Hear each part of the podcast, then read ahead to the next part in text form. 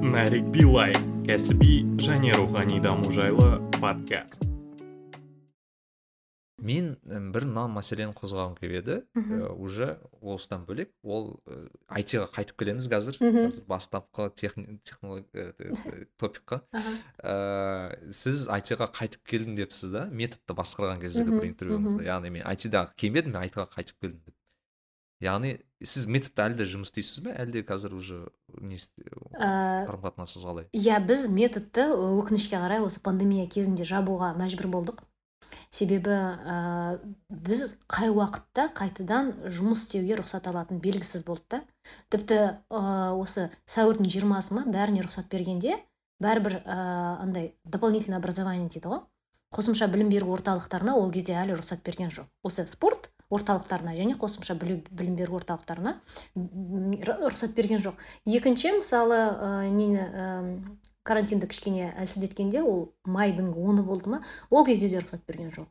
Тек қана осы білім беру орталықтарына қателеспесем тамыздың жиырмаларында ма сондай рұқсат берді сондықтан бізде сондай белгісіздік болды да ал команданы ұстап тұра алмайсың ғой оларға төлейтін ақша жоқ мысалы. Сондықтан карантин басталғалы біз барлығын жіберіп ә, сол компанияны жабуға мәжбүр болдық. Қазір уже метод мектебі жабық. Мен қазір ә, бә- бірақ бәрібір IT жобасында қалдым. Қазір біз осы мектептердегі информатика сабағын қалай өтетінін не оқытатынын қаншалықты жеткілікті екенін соны қолға алуды мақсат қылып қойдық. Қазір сол бағыт бойынша жұмыс істеп жатырмыз да. Зерттеу жүргізіп жатырмыз қазір бүкіл қазақстан мектептері бойынша. Осы информатика пәнінде қай жерінде гэп бар дегендей да. Құдай қаласа информатика болса геп емес гәп бар ғой ол жерде. Вот құдай қаласа наурыздың соңына таман зерттеу бітеді. Сол кезде енді нәтижесін ашық ресурстарда кәдімгідей жариялаймыз деген жоспар бар. Мхм. Методты есінде болса сіз алена ткаченко екеуіңіз жасайсыз а жоқ жоқ жоқ қазір алена екеуміз жасаймыз қазіргі жобаны аха ал а методты бұл қазіргісінде иә қазіргісін ал методты мысалы білмеймін адамды мысалы Да- дагарды танитын шығарсыз иә дагар дагар самат ә, нұрболат сол үш жігіт бастаған. Нұрболат ә, бір екі жылдан кейін ә, амазонға канадаға көшіп кетті. Канада емес амазонға білмеймін америкасына ма канадасына ма көшіп кетті. Сол жақта жұмыс істеп жатыр. М, дагар әлем мектебін ашты. Ә, самат германияға кетті жұмыс істеуге? Дагар есінде болса андай бір ә, астанадағы анау сол әлем эколо қырық эколо екі қырық қырық екіден бір жасаған бір бір қызық ә, мектеп. Мен көрмедім бірақ сіздің инстаграмыңыздан ба көрдім. Андай оқыту- оқытушысы жоқ бір мектеп иә Өте қызық формат өте қызық формат. Меніңше андай кәдімгі дисциплинасы жоғары адамдарға келетін сияқты. Ә, ол жақта мұғалім жоқ ә, сенде расписание жоқ. Ә, мектепке кәдімгі ой то есть ә, университетке баратындай мысалы анау мынау жоқ. Бірақ сенде ә, оқитын нелерің бар ыыы дисциплина Материалдарың сабақ бар, иә? материалдарың бар иә. Және материалдарды мысалы м, нақтысын білмеймін видеосы бар ма видео сабақтар жоқ па әйтеуір оларда не бар да сол эколь қырық екіде ә, сондай правило бар да типа first ә, ask короче по моему біріншісі сұрайсың типа second it или наоборот біріншісі it үшіншісі там администрациядағы біреулерден сұрайсың дегендей яғни адамдар бір бірінен сұрау арқылы бір біріне бір бірін бағалау арқылы үйренеді да. Және сол ыыы эколь қырық екі ол өзін кәдімгідей ы, уже зарекомендованный дейді ғой. Ы, өзінің жүйесін дәлелдеген ыыы шынымен нәтиже беретін дәлелдеген мектеп. Ал бұл дәл сол эколь қырық екінің системасымен астанада ашылған ы, мектеп. Және ы, Иә. нәтижелері қазір өте жақсы болып жатыр да.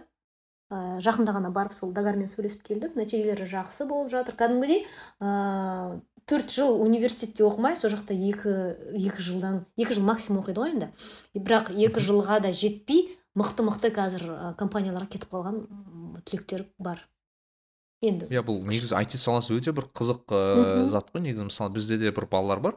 отыз бір жасында отыз бір жасына дейін там геолог болған банкта істеген там сөйтіп бір отыз бір жасында үйреніп отыз үш жасында уже прям ірі компанияларға кірген балаларды білемін да вот соңғы рет барғанда қызық. бір ә, кімді кім көрсетті ә, несін учетный записін. Бір әйел бухгалтер болып жұмыс істеген әйел. Сол жақта несінде админкасында көрініп тұрады да кім қанша сағат мектепте оқыған да енді сабақтар.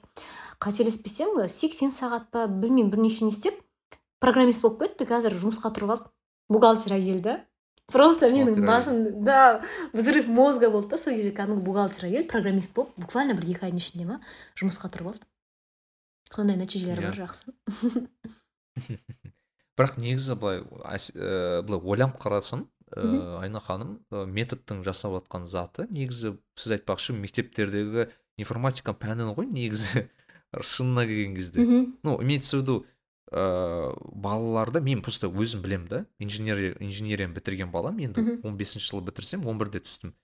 Вот он бірінші жылы түскен кезде мен мен байқаған балалар просто шок да ана информ андай андай поток информация өйткені олар программирование мүлдем білмейтін.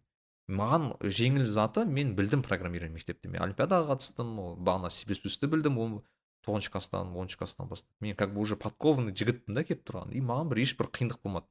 Ал жанындағы балалар прям уже ана көбінесе әсіресе мына региондардан келген балалар бар ғой. Мхм. Олар мүлдем прям андай ашарашын ғой енді ана информацияны көп. мүлдем дайын болмаған да сол кезде мен айтамын сендер информатиканы үйретті деймін. Да сөйтсем ештеңе үйретпіз қылдық дейді бәрі. И сондай бір бағанағы гэп дейсіз ғой осындай жетіспеушілік бар да негізі шынымен де. И ә, просто маған қызық қазір сонда мысалы сіз методта жұмыс істеген кезде метод жұмыс істеп тұрған кезде көбінесе мысалы ол жастар болды ма әлде мектеп оқушылары болды ма әлде мысалы уже жұмыс істеп жүрген адамдар болды ма? Көбінесе кім қатысатын еді? Ә, метод 2013 жылы ашылды. 18-ге дейін ол жақта басым көпшілігі балалар болатын. Мектеп жасындағы балалар ә, үйренетіндер сол скретч питон сондайлар болатын. Ал 2019 жылы жалғыз жыл болды ересектердің басым болған алпыста қырық процентта мысалы.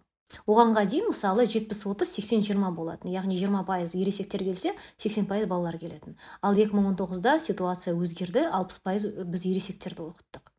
Және иә ә, жалпы сосын не да программирование ол компьютер сайенстың мысалы бір ғана бөлігі ғой. Ә, бізде мынандай проблема да.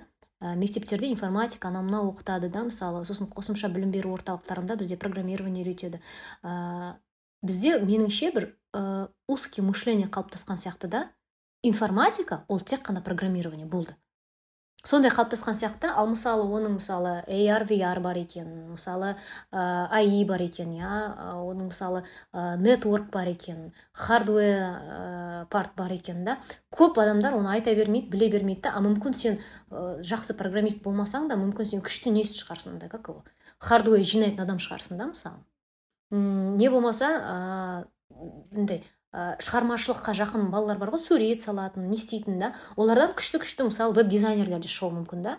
Әдемі дизайн салатын. Бұл енді пюр программирование емес бірақ дегенмен сол компьютерға жақын нәрсе да. Мысалы одан жақсы UX UI шығатын шығар да. Әдемі барлығын құрастырып көрсетіп бере алатын. И біздің қазіргі мысалы мен көріп тұрған ботлнек енді ботлнек емес те шығар. Тек қана программированияға кетіп қалдық та біз ал ә, балалардың қабілеттері әртүрлі және бұл бір. Екіншіден ә, екі нәрсе бар да технологияларды меңгеріп білу яғни бағанағы программирование бағдарламалау тілдері иә мысалы ә, технологияларды пайдалану анау мынау. Бірақ биг пикчер жоқ та общий понятие жоқ та не ненің иә. көмегімен не істеуге болады да мысалы компьютерді көргенде менде мысалы бірден мынандай понятие да? Вот мынау компьютер и компьютердің көмегімен мен любой нәрсені істей аламын да? Негізі түсінік сондай болу керек деп ойлаймын да? Вот проблем solving да? Мен мысалы білем что маған компьютер және компьютерлік технологиялар кез келген әлеуметтік ә, білмеймін ә, бизнестағы кәсіби проблемаларды шешіп бере алады деген. Ал кейбір адамдар үшін біздің қазіргі мысалы мектеп бағдарламасы былай үйретеді да мынау компьютер компьютердің көмегімен сен тек қана там условно презентация жасай аласың или печатать ете аласың да? То есть одан ары қарай жылжымайды да. И ондай балаларда уже андай ә, рамочный мышление болады. Сол меніңше дұрыс емес. Ә, меніңше yeah. Иә. бұны соны өзгертет, өзгерту керек та.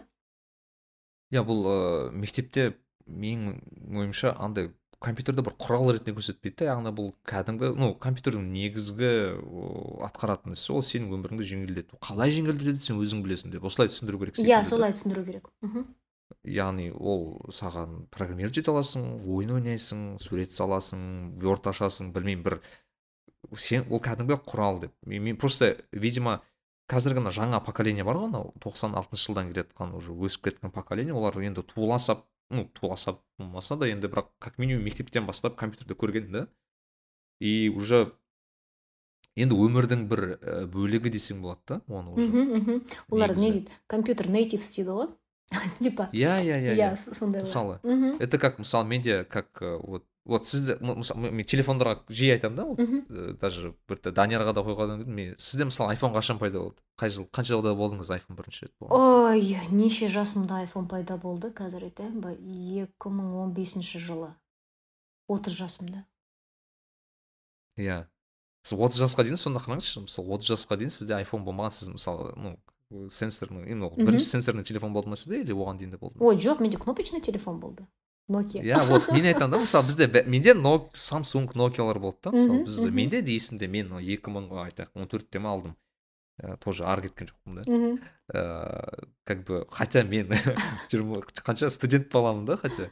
И как бы бізге нормально да как то соткасыз өмір сүру и там Иә, иә, иә. өмір сүру это как то норм. То есть мен до сих пор помню как біз домашкамен сөйлесетін едік та мысалы да звондап да прям. да да. Біреуді бола ма деп досыңды күтіп мамасынан сұрап деген секілді а вот қазіргілер ондай емес қой мысалы мхм и дұрыс үйрете білу өте важно мысалы сол жағынан бірақ сіз көбінесе адми- административный сұрақтарды шештіңіз иә есімде болса Мен- иә мен мысалы ә, CEO ретінде административтік сұрақтарды шештім және көп жағдайда мектептің сол несі пиар дейді ғой сол маркетинг сол, сол нәрсесімен айналысқанмын. Ә, аха. Арензиға мен онша кірген жоқпын да. Себебі ә, менің мысалы мен программист емеспін да в любом случае. Ә, бағанағы айтқан айтидің бірнеше бөліктері болады дегендей мен эрнст янгта жұмыс жасағанда бәрібір не болатынмын. Ә, как онсайт суппорт хелпдеск спешалист сияқты да. Ә, одан басқа бір специфичный аудиторлардың қолданатын программалары болды грувгамакс деген. Ә, сол, сол софтты поддерживать ететін специалист болдым да по, по европе. Ә, ну такой узкий нәрсе да. Вот сондықтан ал біз мысалы программирование үйретеміз да. Бірақ менде андай идеялар болды да. Мысалы давайте анализ данныхты жай ғана анализ данных қылып үйретпейміз. Мысалы прикладной примермен үйретейік. Мысалы давайте келесі курсты жинап ә, не істейік та алматының мысалы ә, ауасын там загрязнение бойынша жасайық деймін да келесі курсты ну чтобы иә иә. адамдар білсін да потому что бізде проблема сол ғой программирование десе значит ойбай что то сложное да мысалы как будто ол сенің өміріңе қатысы жоқ нәрсе сияқты. Да хотя по сути сен э, сол э, биг дейтаның көмегімен э, анализ датаның көмегімен можешь такие вещи либо спрогнозировать да мысалы Ә, мен тіпті ана Алма- алматы марафонынан не алғанмын да данныйлар алғанмын да. Он жеті мың данный ма адамдар қатысқан. Кім қай уақытта жүгіріп андай қандай результатпен келді. И мен сол кезде айтқанмын давайте вот спрогнозируем да вот какие у тебя данные должны быть чтобы ты дошел там в лучшую десятку дегендей мысалы то есть Иә. сондай нәрселермен істеуге болады да и просто адамдар оны түсіну қиын себебі бізде көп. немесе мысалы қандай жастағы адамдар көбінесе бірінші келеді да да немесе- сондай нәрселерді да мысалы сондай меніңше біздің екінші проблема то что біз андай прикладной нәрсемен түсіндірмейміз да. Иә. не қалай да мысалы сол сол меніңше қиын. Бізде методта бір жақсы болған мысалы оқушылар ә, соңында курстың соңында өз проекттерін қорғайтын да.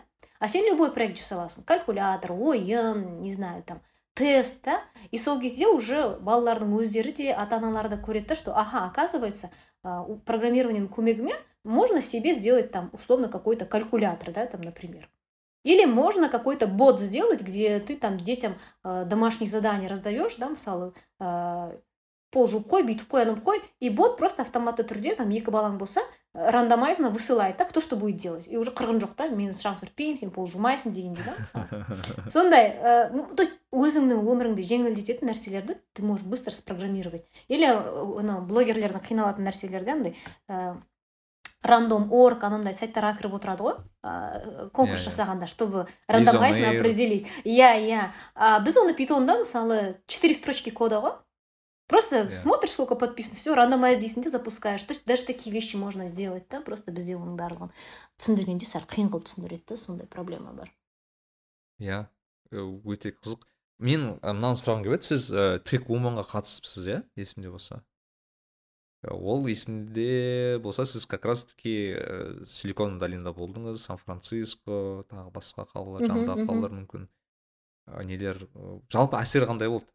Өйткені мен сіз оқыдым көп нелерді э, статьялар көп екен осы жайлы сіздің берген. Яғни әсері біраз болған секілді да сізге өйткені прям иә әсері болды бірақ қалай айтсам болады андай м технический жағынан емес. Мен менің ожиданием бір болды да реальность басқа болды да. Мен ойладым да қазір прям жұмысқа керек нәрселерді алып қайтамын деген да себебі ол рабочий стажировка ғой как никак а негізінде жай ғана сол сан францискода бір жарым айға жуық өмір сүру сол көбірек берген сияқты болды да. Солардың мысалы ыыы взгляд сверху сияқты болды да. Неге силиконовая долина силиконовая долина болды. Мен сол нәрсені түсініп келдім. Ам, сосын кішкене неге екен? Вот а қазір айтамын сосын кішкене өз өзіме сенімді болып келдім себебі менде былай болды да мен қазір ә, какой то бір айна с какой то страны третьего мира. Поеду в америку а ол жақта вообще там чуть ли не роботы летают. Да енді енді, образно айтсам сондай мен немен бардым да ожиданиемен бардым да. Қарасам тура сол адамдарда тура екі қол бар екі аяғы бар бір мұрны бар екі көзі бар да. Компьютерлары дәл осы менің қолымдағы макбук оларда да макбук біздің бәрі жұмыстағы- мигрант қой еще олар. Иә сути. жұмыстағы компьютер біздің жұмыстағы компьютер олардың жұмыстағы компьютер. Біздің флешка олардың флешка да. Прям вообще ну то есть техникалық жағынан адам ресурстар жағынан ешқандай өзгеріс жоқ та. Бірақ олар күшті дамыған да а біз онша емес. Сол кезде мен түсін мен мындай эффект вау болды да кәдімгідей. Біз де соны жасай алады екенбіз ғой деген менде ой туды да. Бізден де силиконовый долина шықпаса хотя бы белоруссия сияқты хаб шығару әбден қолымыздан келеді деген бір сенім пайда болды да. Мен шын айтсам мен оған әлі де сенемін. Себебі силиконовый долинаны долина қылатын бір ә, бізде жоқ микрочиптер емес. Бізде өспейтін ағаш өсімдіктер емес. Долина қылатын ол тура сол адамдар да біз сияқты адамдар. Еще бізде ә, покрытие интернета мысалы 80 пайыз қазақстанның 80 пайызы интернеті бар да мысалы penetration өте жақсы. Бізде бәрі бар да просто кішкене ана госпрограмма дұрыс болу керек да кішкене экосистема жетіспейді. А ол жерде оның барлығы бар да. Барлығы вот настолько быстро анау да мынау и инвесторлар ол жақта инвесторлар толып тұр деп айтатын болсақ ол да емес себебі инвесторлар калифорнияда отырып қазақстанға инвестировать етуге әбден мүмкін. Ол үшін қазақстанда тұру ол шарт емес та. А олар мысалы до такой степени уже давно қолданылады да компьютермен. Сосын ә, там и конкуренциясы бар и анау бар мынау бар. Сондықтан олардың ойлауы да сәл басқа. Сосын біздікіндей жоқ та андай жұрт не дейді дейтіндей. Оларда любой стартап бар да даже сенің мысығың итіне арналған мобильный приложение бар да. Потому что постоянно генерация идей конкуренция бешеный болғандықтан сен постоянно пытаешься сделать что то чего нет. А ол үшін сен ойланасың ойланасың ойланасың да мысалы. И еще енді көп адамдар айтишник болғаннан кейін нетворкинг мықты да. Мысалы күн сайын сен любой не таба аласың какой то метап та мысалы. Неге байланысты? Машина обучениеға байланысты ма? Неге? И причем метаптарға нелер келеді да? Фейсбуктың адамдары там не знаю salesforce там твиттер apple. И сен солармен араласасың уже кішкене не білесің да вот обмен информация тезірек жүреді да. Сондай нәрселер ғана вот, вот бағанағы айтқан вот, жүйе қалыптасқан да болды. Ал бізде жоқ нәрсе прям сол жақта бар деп мен точно айта алмаймын. Бізде негізі ол жағынан ә, мен енді өзім IT жүргеннен кейін ойлаймын мысалы ә, долина қазір хоть и мысалы стандарты задает былайша айтқанда Мгм. өздері бірақ ә, мысалы долинаның көп компаниялары даже программисттер долинадан іздемейді негізінен. Мхм ә, өйткені долинаның программисттері өте қымбат тұрады өте мысалы қымбат бізде балалар өт- настолько қымбат тұрады что ну көп просто стартаптар ә, там бағанағы беларусьтан немесе бағанағы мхм восточный европадан ала салады программисттерді и мен ә, бірнеше рет попытка болған даже балаларға айтып сол жақтағы мүмкін енді бізге қиындау бірақ мысалы хотя бы аутсорсқа бір екі проект алу да ол жерде өйткені ә, бізде біз айна ханым өкінішке орай индустордан арзан тұрамыз негізі иә программисттеріміз иә.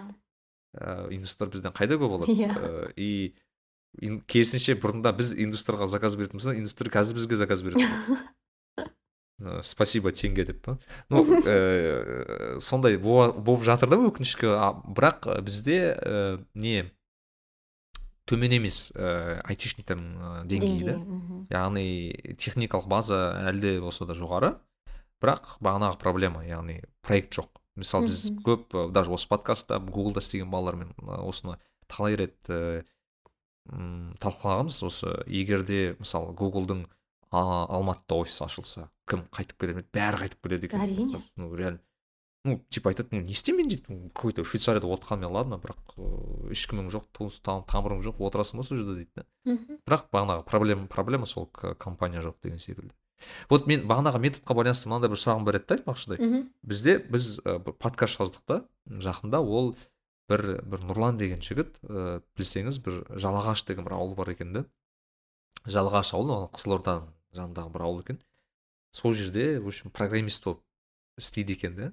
Программист болғанда ол удаленно жұмыс істейді. Бір украиналық па бір көш бір жақсы бір компанияға бірақ ә, бір белгілі бір себептермен жалағашқа көшіп келген. И жалағашта ә, енді тыныш жүрмей бүкіл ана жастарды жинап программист қылғысы келген екен да. И бір екі адам болыпты да программист. Сондағы қызық айтады да ол жерде прям андай да прям пожарник болған кісілер там нелер болып істеген. Кәдімгі ауылдың кісілері кәдімгідей үйреткен. Бірақ ыыы ол ол жақта әрине басқа проблемалар болған да яғни ол жерде мысалы халықтың просто деңгейінің ана просто төмендігін айтады да кейбір просто не то что программирование ол просто компьютерді үйрету керек бірінші дейді да ол. Көп көп кісілерге мгм. просто андай базовый андай компьютерлік знание керек деген секілді. Мхм. бірақ мен соны ойландым да бірақ ол кісі айтады ыыы біраз еңбек керек бірақ ол мүмкін дейді да. Ол ол енді MVP ретінде енді көрсеткен да ол мүмкін екендігін. Вот мен сол кезде ой пайда болды да қаншалықты вот методта мысалы жа- жасаған ә, нелер ә, наработкаларыңыз мысалы біздің осы кәдімгі қарапайым мектептерге де жасауға болады. Сіздің жасап жатқан как раз таки жұмыстарыңыз бар екен сол туралы. Бұл жа- әбден жасауға болатын нәрсе бірақ бұл жердегі үлкен ботлнек ол ә, оқытушылар.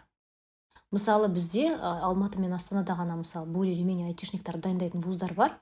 И то білмеймін астанада бар ма жоқ па алматыда не ол м- муит кбту сду да мысалы вот енді үш крупный вуз дейік который более менее айтишниктар дайында- дайындайды да. Біз даже методты басқа қалаларда ашқымыз келгенде бізде оқытушылар таба алмайсың да. Ол вуздарда мысалы ыыы IT мамандығын дайындамайды.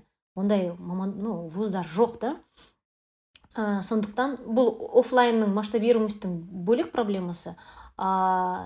Онлайнға келетін болсақ онда ол, контент жасау контент мықты болу керек та. Ал контент мықты болу үшін мысалы ә, сен курсерамен там ба- тағысымен сен ә, бәсекелесуің керек та. Ол тоже почти невозможно да и еще там өте көп қаржылай ресурс талап етеді.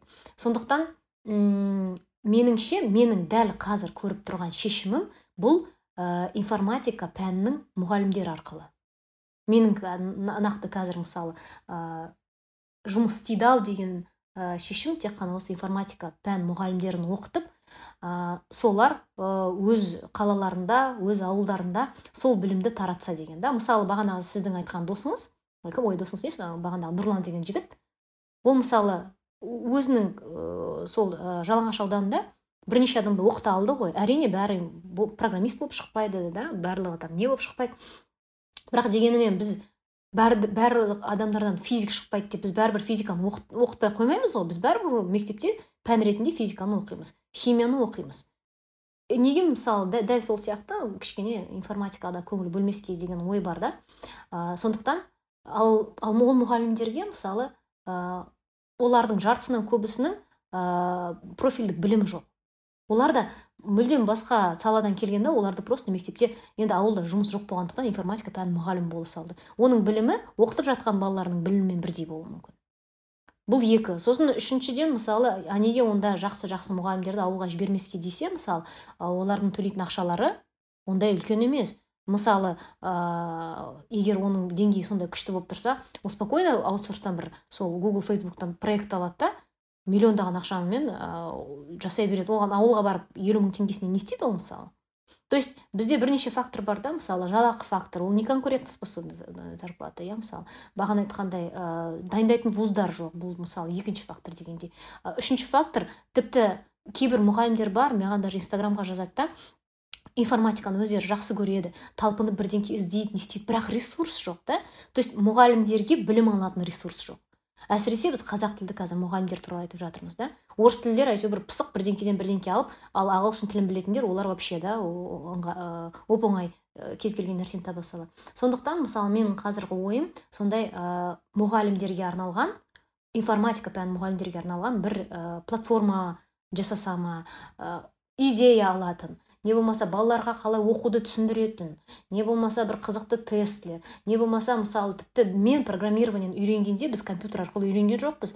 Біз мысалы қағаз бетін жазып үйренетінбіз. Мен мысалы паскаль паскальдан бастап біз ол кезде ә, ол кезде питон даже болған жоқ біздің универде біз қағазға жазатынбыз да бізге есеп береді біз соны қағазға жазып шығарамыз. Одан кейін ол неде как практика жұмысында. Ал бір аптадан кейін лабораторка болады сол кезде ғана бізді компьютерға жақындатады сен сол жазған кодыңды лабораторкада жазасың да сол кезде көресің да мысалы. И по идее программированияның ең базалық принциптерін ә, принциптерін үйрену үшін компьютер керек те емес. Ә, даже кез келген настольный ойын арқылы кез келген білмеймін там моншақ тағы бірдеңке арқылы бағдарламалаудың базалық принциптерін үйренуге болады да как мыслит машина. Вот сондай нәрселерді мысалы үйрететін мысалы мұғалімдерге де ә, көп ресурс беретін балаларға да мысалы андай раздаточный материал беретін сондай бір платформа ә, жасаса мүмкін сол да оларға жақсы көмек болып қала ма? Сосын әрбір мектеп ну регионына бір какой то мастер тичер дейді ғой.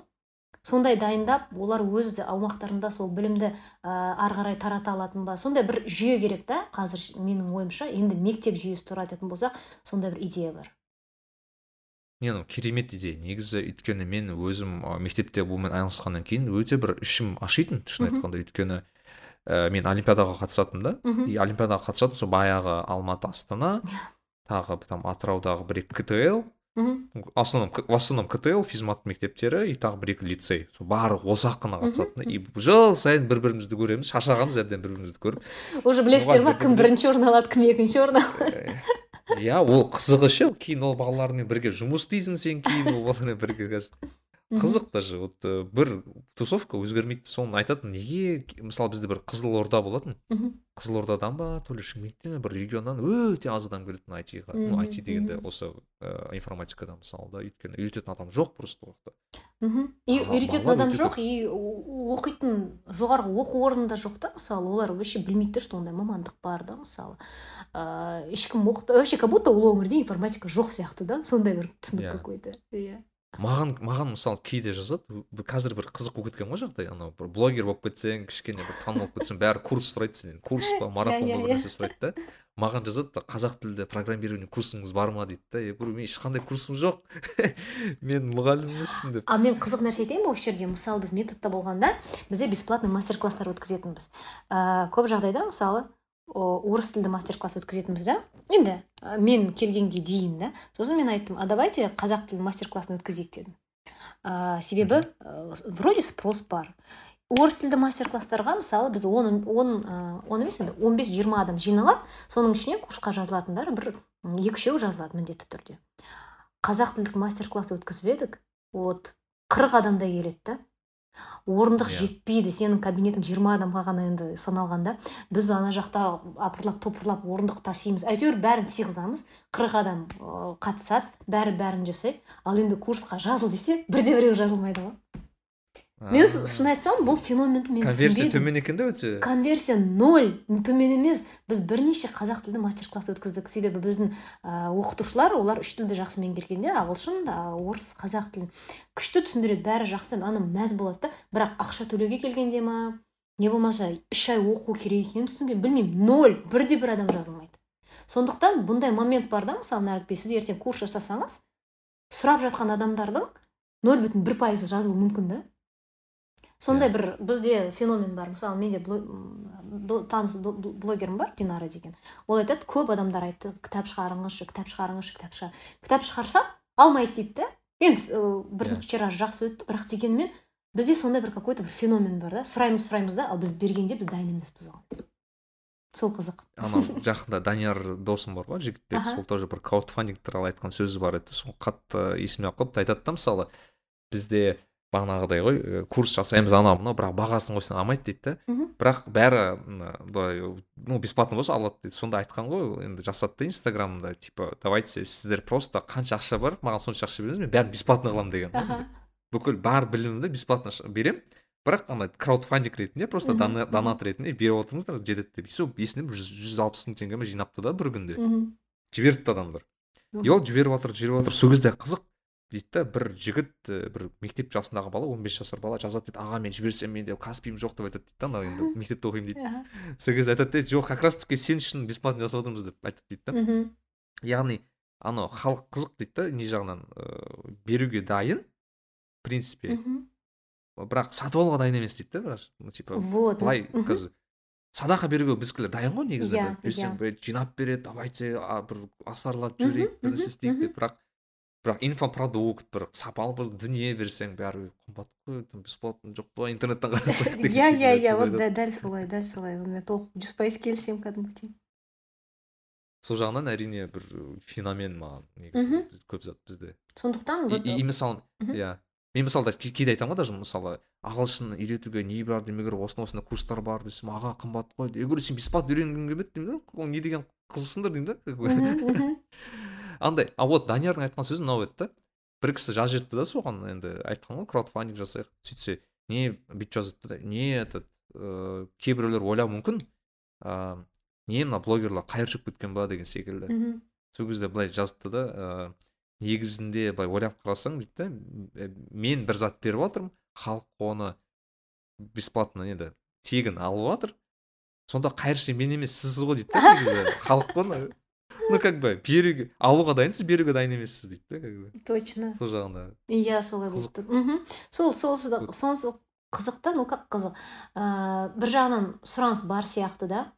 Ал сен ол сұранысты қанағаттандырып бірдеңке жасайын десең алмай қалады. Ну сондықтан менің ойымша сен жүз пайыз бір дайын ыыы сөйтіп келуің керек па сол жақты түсінбедім. Сондықтан бұл ыыы нелері көп та ә, тәуекелдері көп та бұл жердің. Андай предзаказ деген заттар жасау керек немесе жаңағы пресейл дейді осындай бір нәрсе Мгм. тексеріп сөйтіп Или- қана тексеру керек иә иә вот сол э, нені тестировать етіп мен де мысалы ә, кеше ғана ма пост шығарғанмын. Ә, сол программирование прям кәдімгі кішкентай балаларға тура базасын үйрететін да бағана айтқан. Ас- ну түсінігін үйрететін компьютер керек емес бір бағана айтқан қызық ойындар арқылы да оны үйретуге болады да базалық түсінігін. Соны ә, сондай менде не бар дедім да андай хендаут сияқты. Кімге керек? Маған почталарыңызды жазыңыздар сіздерден ә, мен мен сұрайтыным тек қана ә, кері байланыс та соны жасап көресіздер балаңызбен или өзіңіз. И жазасыздар түсінікті ма жоқ па деп иә. Ә, мыңнан аса комментарий болды да мыңнан аса почта жіберді. Енді ә, мен сол алғашқы сабақты жіберіп көріп ә, соны өлшей, өлшейтін нем бар қазір ниетім бар. Қаншалықты вот спрос бар дегендей да мысалы қаншалықты қызық түсінікті дегендей. Ә, бірақ уже андай завышенный ожидание жоқ та вау мың мың имейл бар менде енді точно енді курс жасауға болады дегендей себебі ол енді аузы күйген үрлеп ішеді дейді ғой дәл сол сияқты болып тұр қазір иә иә бірақ ыыы білмеймін дамыту өте керек осы Керек, осы, керек. осы осы саланы әсіресе иә со- сосын дамыту керек не просто потому что ол дамып жатыр просто жыл сайын ә, біз бұған тереңірек ене береміз да. То есть технологиялар біздің өмірімізге жыл сайын тереңірек ене береді ене береді. Андай түсінік болмау керек та бұл қазір қазіргі феномен да. Ертең барлығы қайтадан ә, тоқсаныншы бір сексенінші жылдар қалпына келеді ондай болмайды. Әлем тек қана цифрлана береді цифрлана береді. Сондықтан қазір бұдан қалып қою ә, бұл өте қауіпті болады да адамдардың өзіне. Ә, цифрлық сауаттылықты арттыру керек мысалы. Балалардың барлығында қазір мысалы ә, қолдарында смартфондары бар. Демек олар мысалы ә, не информационный безопасность дейді ғой. Ә, сол нәрсені түсіну керек та мысалы. Ә, жауапкершілікпен қарау керек. Себебі ол ә, ертең ата ананың банковский карточкасын жіберуі мүмкін да. Ну сондай элементарный нәрселерді адамдарға үйрету керек в любом случае. Блин да, даже вот мен ойланып отырмын да қазір ауылға барсам бәрі каспимен қолданады да менде. Бірнәрсе болса каспиға жіберсе каспиға жіберсе деп бүйтіп ыыы, андай ойланамын блин ну как бы мен білемін да каспидің енді супер андай защищенный емес зат екен негізі там бүйтіп телефон номер бүйтіп бүйтіп біліп алсаң ол жақта Иә. да біраз зат тындыруға болады да тындырып жүрген адамдар да бар екен менің бір таныстарым бар сондай бір органда жұмыс істейді да айтады да енді халықтың несі төмендігі дейді да енді көбінесе. Иә. сауатының дейді да именно осы жағынан что енді каспидің кінәсі жоқ дейді да ол жерде тупо халықтың кішкене андай не болуы дейді да ол жағынан. Сол диджитал literacy ол вообще отдельный тема да оны мысалы қаншалықты қажет екенін қаншалықты оны оқыту керек екенін ыыы ну, ö- өте керек нәрсе. Бұны бұнымен вообще отдельно айналысу керек короче. Нарик билай айна ханым сізде ой жоқ па мысалы университетті басқару деген секілді? Ой жоқ менде ондай а, мемлекет басқару университет басқару деген амбиция жоқ. Жоқ жоқ ну типа андай менде вуз деген секілді. менде баяғыдан бері армандап жүрген нем бар да а, мектеп ашу. Ну просто голубой Иә. мечта туралы айтатын болсақ мен мектеп ашқым келді да. Ол жақта мысалы биология пәнінде балалар кәдімгідей өсімдіктер отырғызады. А, андай бақылаулар жасайды да ненің қалай өсетінін а, қысы жазы далаға шығып бір жер қопарып әйтеуір бірдеңке істейді да химия сабағында барлығы кәдімгі эксперимент жасайды. Да а, андай барлығын былай тыныш отырғызып қою жүгірмей анау мынау ондай болмайды да мысалы. И ол углю- не болады да андай с углубленным изучением информатики короче. Мен айтамын неге Иә, бізде углубленный английский мектеп бар углубленный там математика бар там углубленный физика бар. Тіпті мен өзім углубленный экономика оқытатын мектебінде оқыдым да мысалы жеке мектеп болса да. Ал қазіргі керек дүние мысалы углубленное изучение информатики ол жоқ деймін да. А по сути былай қарасаң мектептен кейін де уже дайын программист болып шығуға болады ғой. Бізде методта бала Иә. болған и, а- атын ұмытып тұрмын. Ол 11 бірінші класста сол метод проға біздің стажировкаға қатысып 11 бітіргенде ода технодомнан офер болды жұмысқа тұруға. Вау кбту ға грант болды и еще бір университетке грант болды да. То есть уже барлығы 11 бірінші класс ол әлі бітірген жоқ та еще. И уже бәрі дайын. И ол сол кезде бізге кеңес сұрауға келген мен не істейін дейді да мен жұмысқа тұрайын ба? Ә, жоқ әлде мен оқу оқиын ба? деп сондай сол кезде бізге кәдімгідей сұрап келді.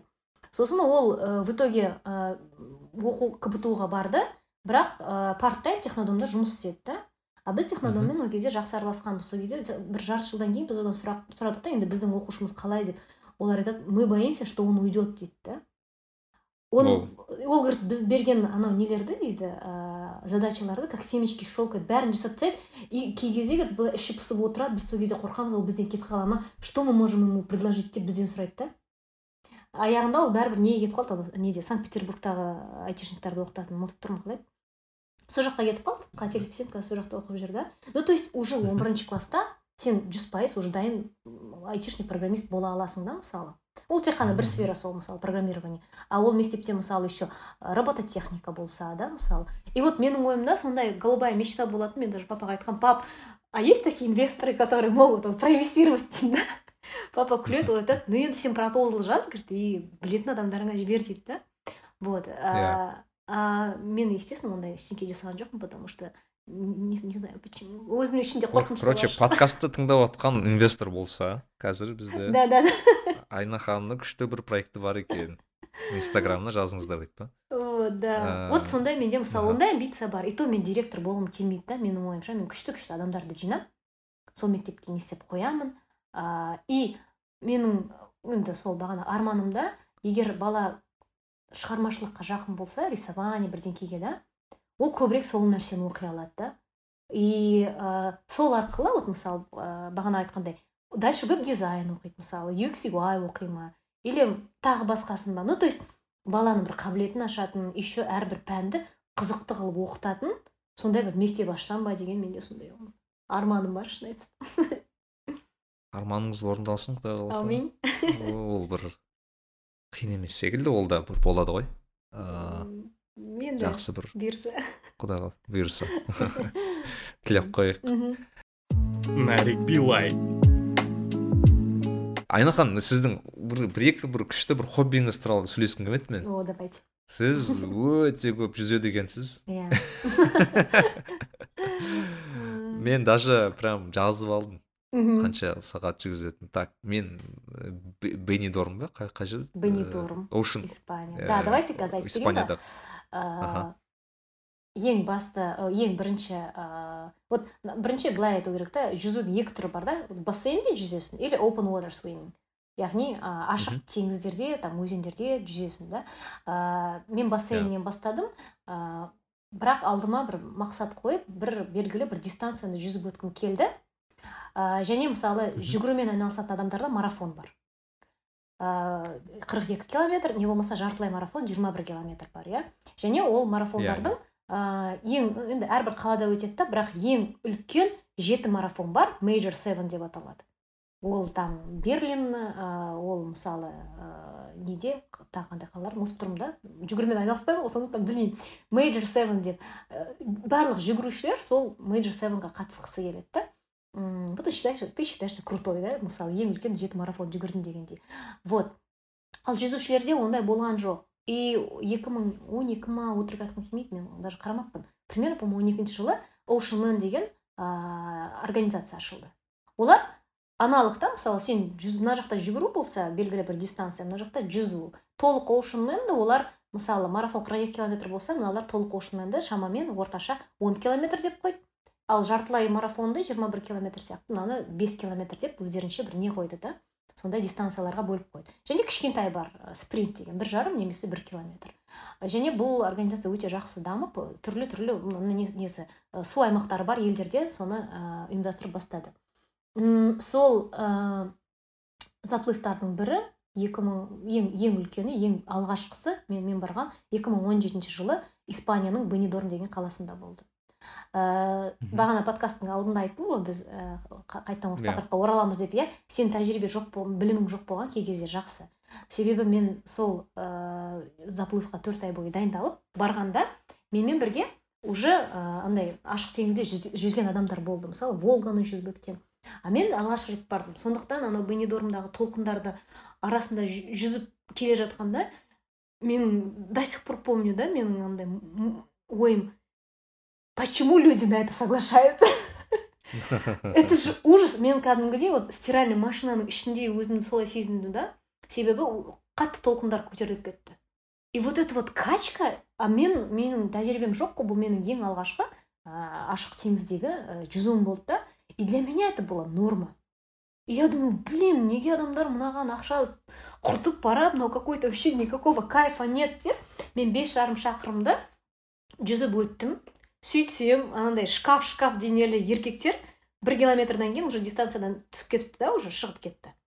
Сегодня условия не те дейді да сложный заплыв деп. Даже осы біздің ай лав свиминг мектебінің ресейден франшизасы ғой алып келген бізде володя назаренков деген бір шкаф адам босфор төрт рет жүзген там марсельде бір нені жүзген ну такой айронменға қатысқан триатлет. Сол тұр да жағада мен айтамын ой вов говорю ты за сколько проплыл? десем он говорит а я не проплыл я снялся с дистанции дейді. Я говорю в смысле ты снялся? Он говорит меня укачало это был сложный заплыв дейді да? А мен оны білген жоқпын да? А сіз и так сондай болады деп и так сондай я думала это норма да. И солай жүзіп өттім да и потом только уже одан кейін мысалы менде италияда төрт жарым километр болды лаго де уэрта деген өзенде анау кәдімгідей анау теңіз болса испаниядағы открытый море там акула скат бәрі бар да? А, поэтому еще су тозды да анау тілің барлығы ойылып кетеді да.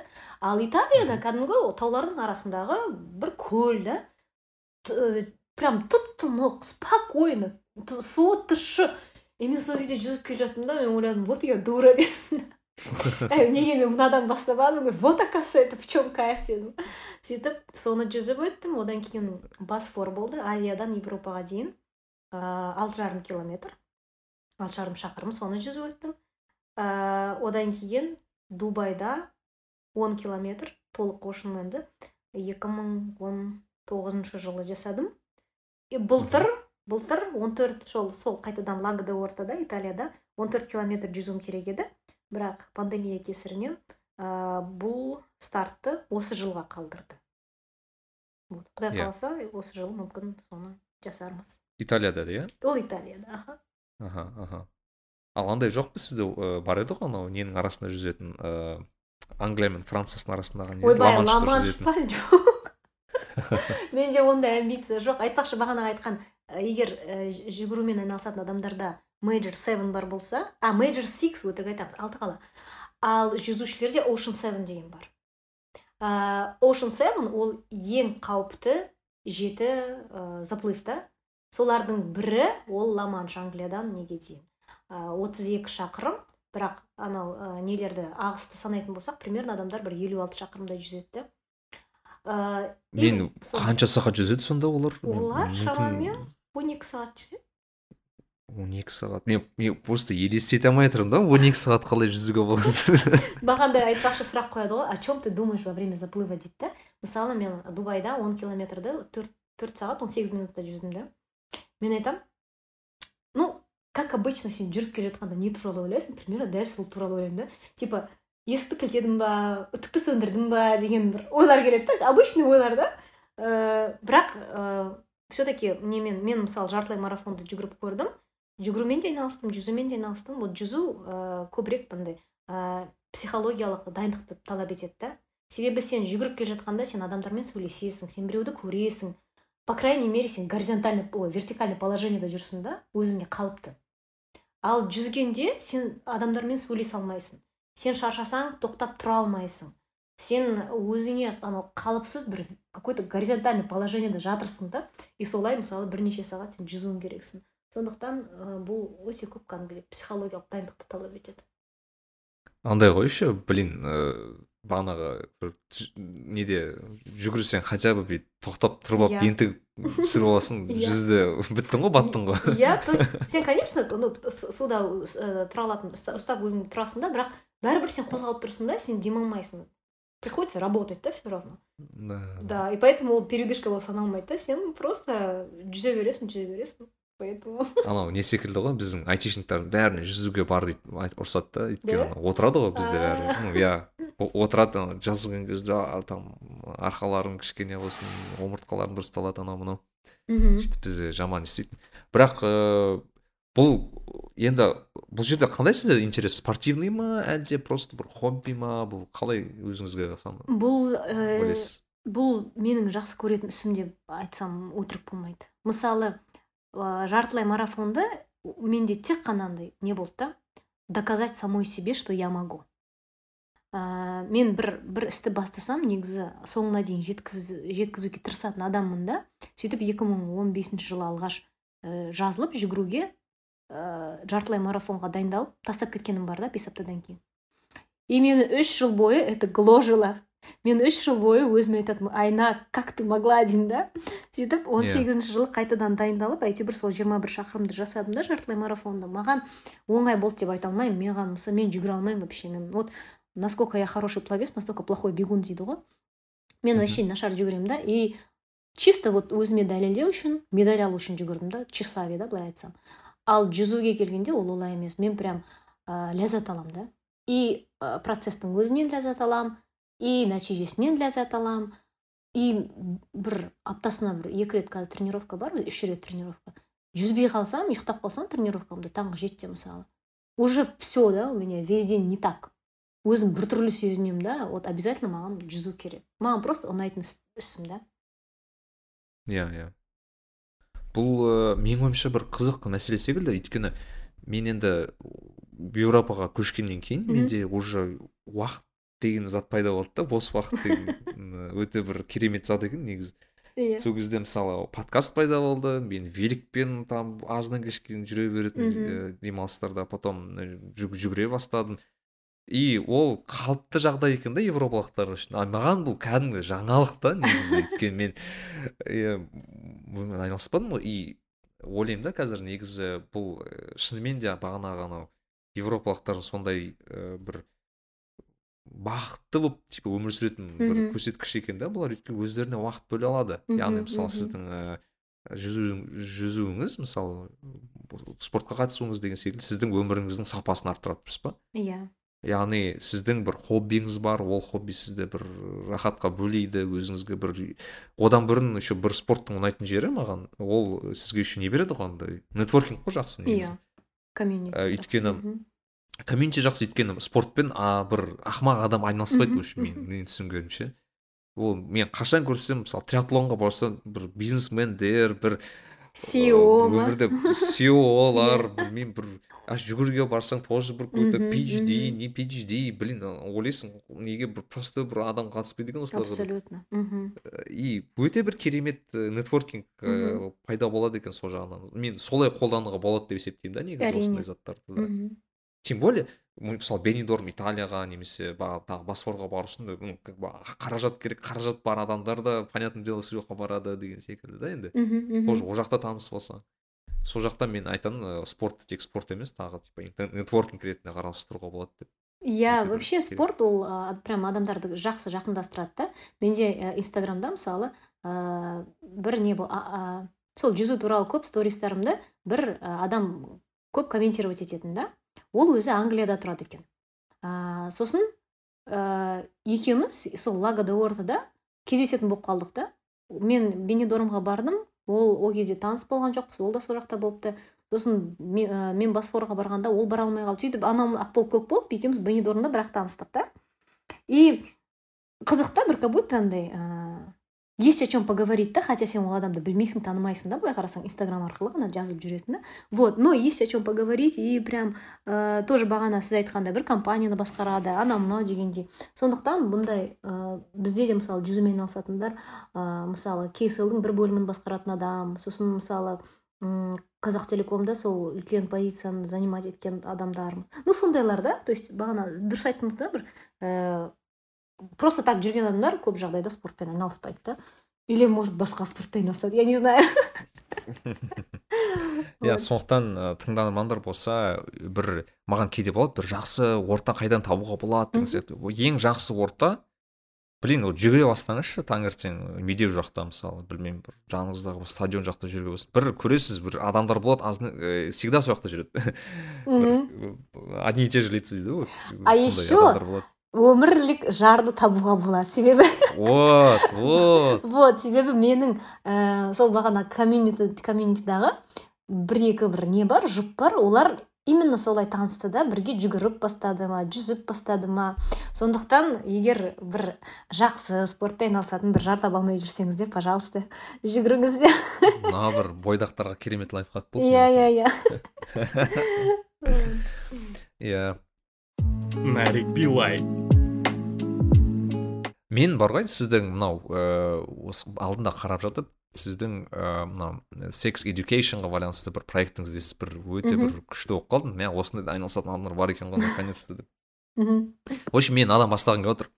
Ыыы ағылшын тілінде секс ол негізі бағанағы ғана процессті емес ол жынысты білді не істейді да иә. описывать етеді. Яғни секс деген ол ну короче сенің физикалық нең қалай айтсам жынысың иә. иә вот жынысың жыныс былайша айтқанда секс деген. Яғни мысалы документ есімде бұрында бірінші документ толтырғанда секс деп тұрады да ойлайсың мынау секс деп не айтып тұр деп ішіне фм деп тұр да фимейл мейл иә. Яғни жынысың қандай деп тұр да? Бірақ секс деп жазады. И мен ойлана бастадым значит бізде ә, даже осы сөздің өзі во первых табу басында болды. Қазір білмеймін қалай екенін. Екіншіден ну блин это жыныс как бы это типа сенің физиологиялық нең жайлы әңгіме да?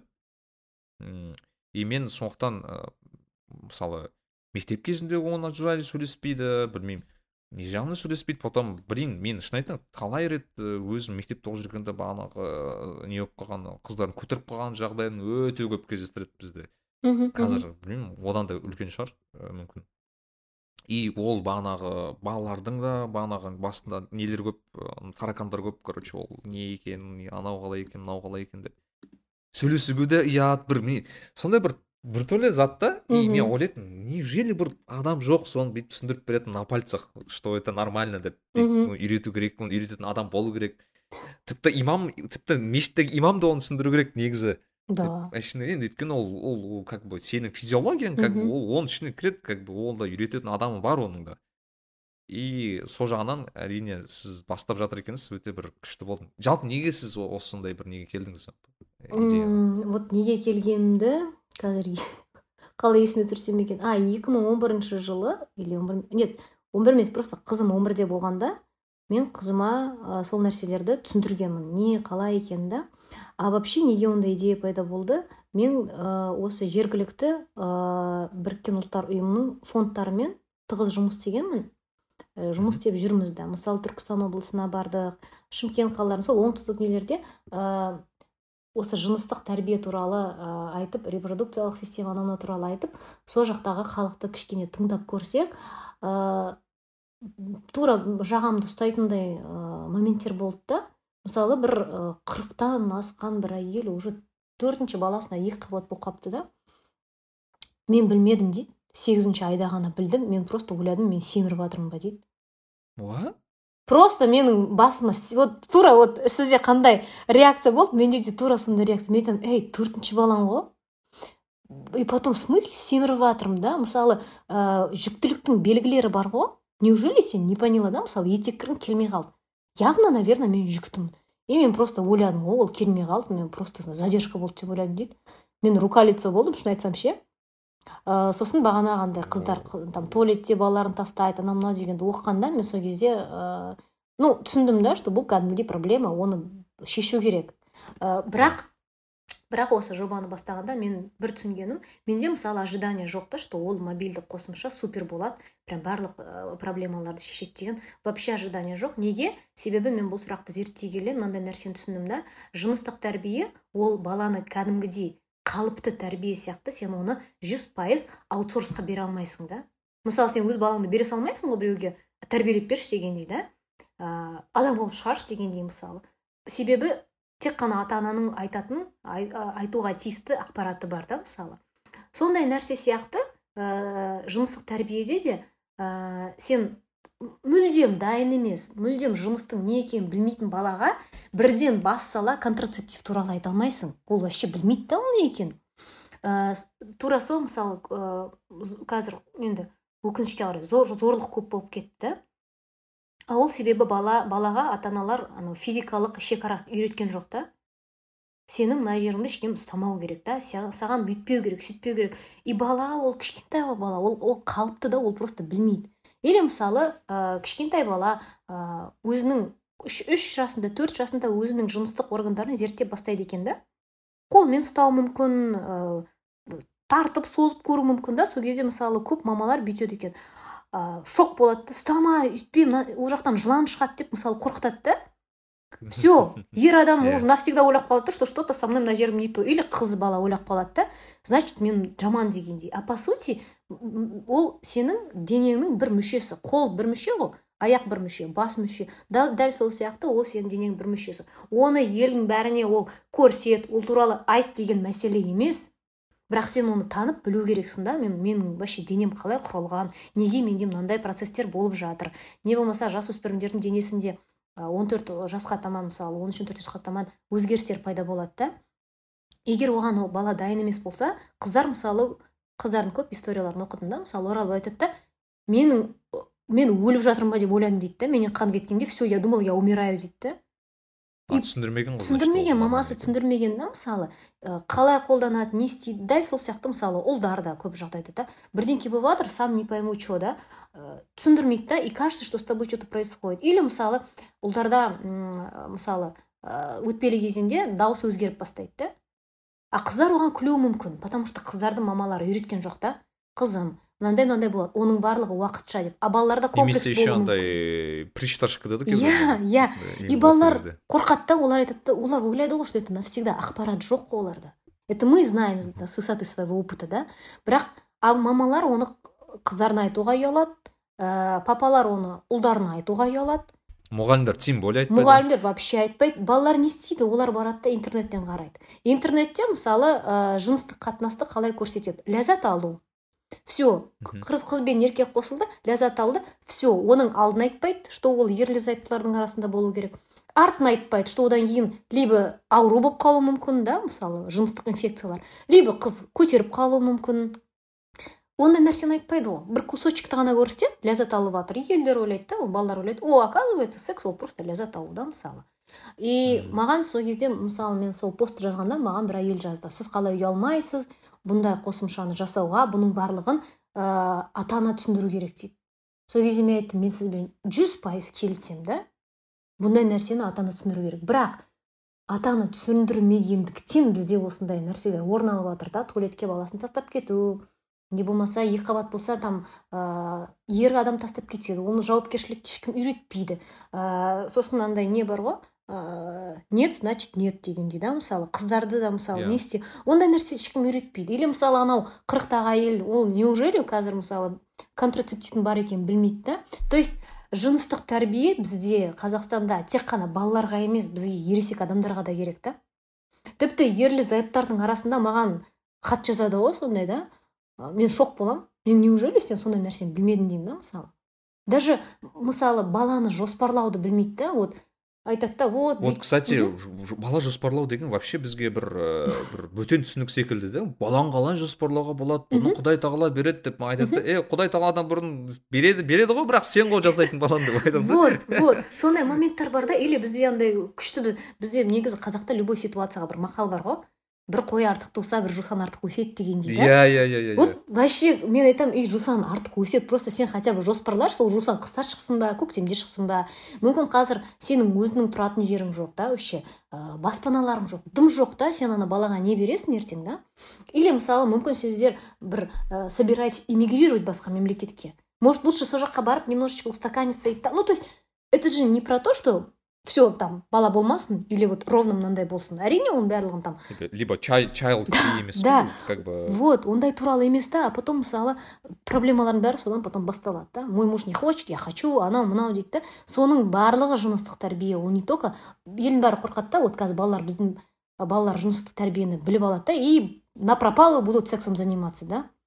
Вообще ондай болмайды. Себебі статистика бойынша жыныстық тәрбие туралы білетін қоғамда балалардың алғашқы жыныстық ә, тәжірибесі ол кейін басталады да. А вот білмейтін қоғамда ерте басталады қайта. Менің ойымша білесіз бе бұл өйткені бұлар ә, ерте үйренсе бұлар жауапкершілігін түсінеді да бұның қаншалықты жауап жауапкерлікті ну керек жауапкершілік қанша қаншалықты керек екенін түсінеді. Сондықтан да бұлар уже саналы түрде как бы ойлана бастайды. А вот мысалы или мынандай да біз сол не жыныстық қатынастар туралы мифтарды ә, іздегенде мынандай мифтар бар да мысалы екі қабат болып қалмау үшін вот прям кәдімгі ересек адамдардың арасынан сұраған сұрақтарымыз. Екі қабат болмау үшін жыныстық қатынастан кейін 20 рет приседание жасау керек. Ә, вот әйелдер солай ойлайды. И ол солай ойлағаннан кейін қызына да солай айтады ғой. Или еркек адамдар да айтады ә, презерватив жоқ болса полиэтиленовый пакетті қолдануға болады вот ол ол или ә, это это чтобы вы понимали да ну, ол как бы бол- надандық қой кішкене надандық та ол үлкен международный компанияда істейтін адамның жауабы нәрікпен мырза? Биг фоның біреуінде істейтін адамның жауабы. Вот понимаете да вот біздің қоғамда балаларды емес ересек адамдарды да сондай нәрселерге үйрету керек та Мгм. вот сондықтан сол ы, мобильді қосымша мен бар ғой мынандай бір кейде осыны ойланамын да и бір парадокс болады да кейде біз балаларға қараймын ғой кейбір осы енді үйленіп сразу бала туатындар бар ғой. Мгм. и бүйтіп қараймын да как бы ойланатынмын мына бала өзі бала деймін да как бы ата аналарына қараймын да. Өздерің баласыңдар ғой деймін да енді.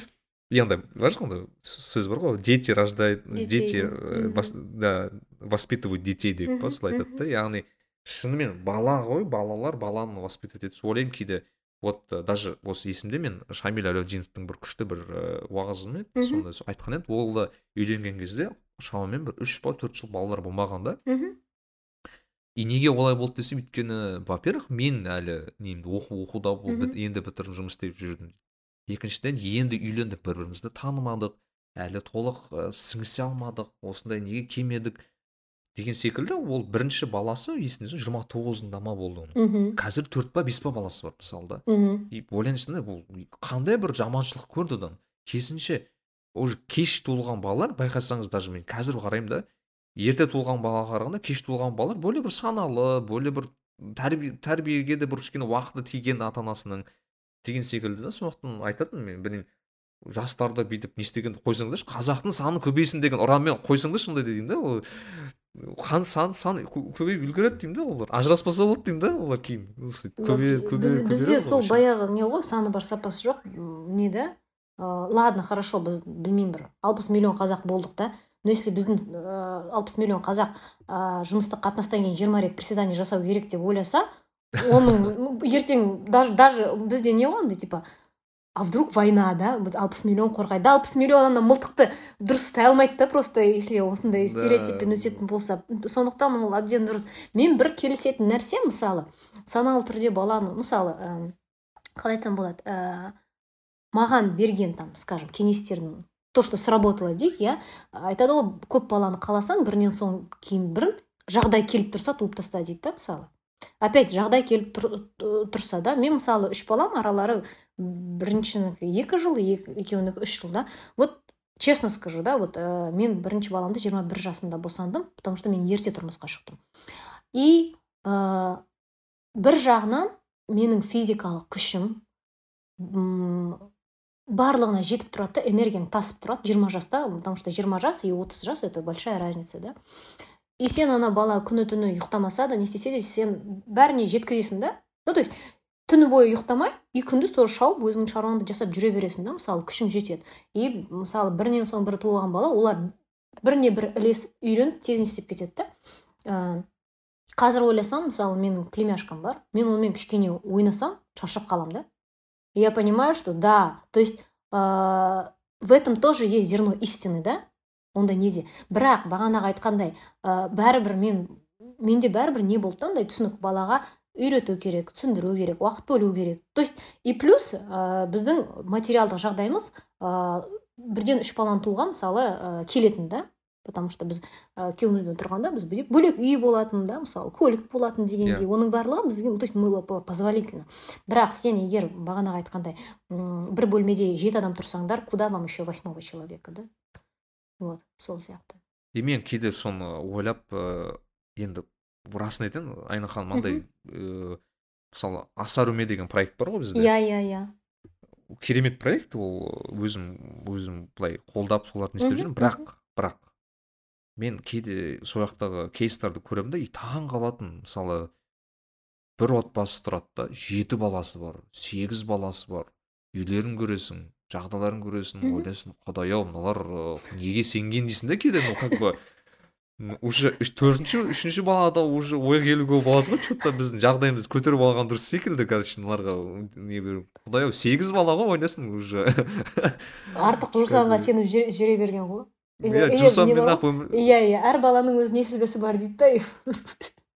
Почему да и айтасың ну несібесі бар ғой бірақ блин несібеде әртүрлі болады деймін да как бы это же не означает что сен сен бес жылдан кейін туса как будто несібесі жоқ болып қалатындай оның несібесі и потом тоже болады просто надо же немножко распределять силы и ресурсы деймін да? Это как мысалы мен жақында осы бір досыммен сөйлесіп жатырмын да айтады мысалы бізде ә, ерте тууға байланысты бағанағы сіздің аргументіңізді айтады да яғни жиырма бірде туған әйел там күші, күші болады тағы, тағы басқа отызда туса уже олай болмайды. Мен кейде ойланамын да мысалы бізде голливудтық актерлар бар ғой мысалы әйелдер.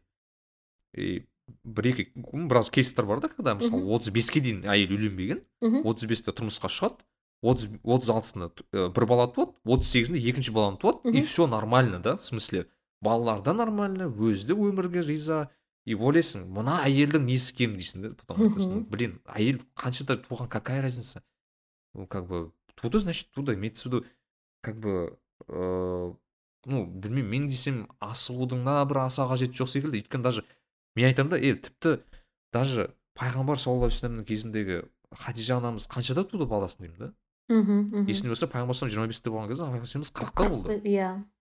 Қырықтан асады он бес жас иә сонда қырықтан аса туған әйел елуге жақын ыыы елуге жақын жаста жасқа дейін туған әйел деймін да пайғамбар бүкіл баласын туып берген кісі қырықта болды деймін да как бы онда аргументті неге маған қоймайсыңдар деп кейде айтатыным бар да мен. Оған мысалы мен білемін что медиктардың точно аргументі бар. Ол ә, мысалы жиырма тире он сегіз ой отыз бес жас аралығындағы әйелдерде көп жағдайда ә, туу барысында не болмайды да қиыншылықтар болмайды.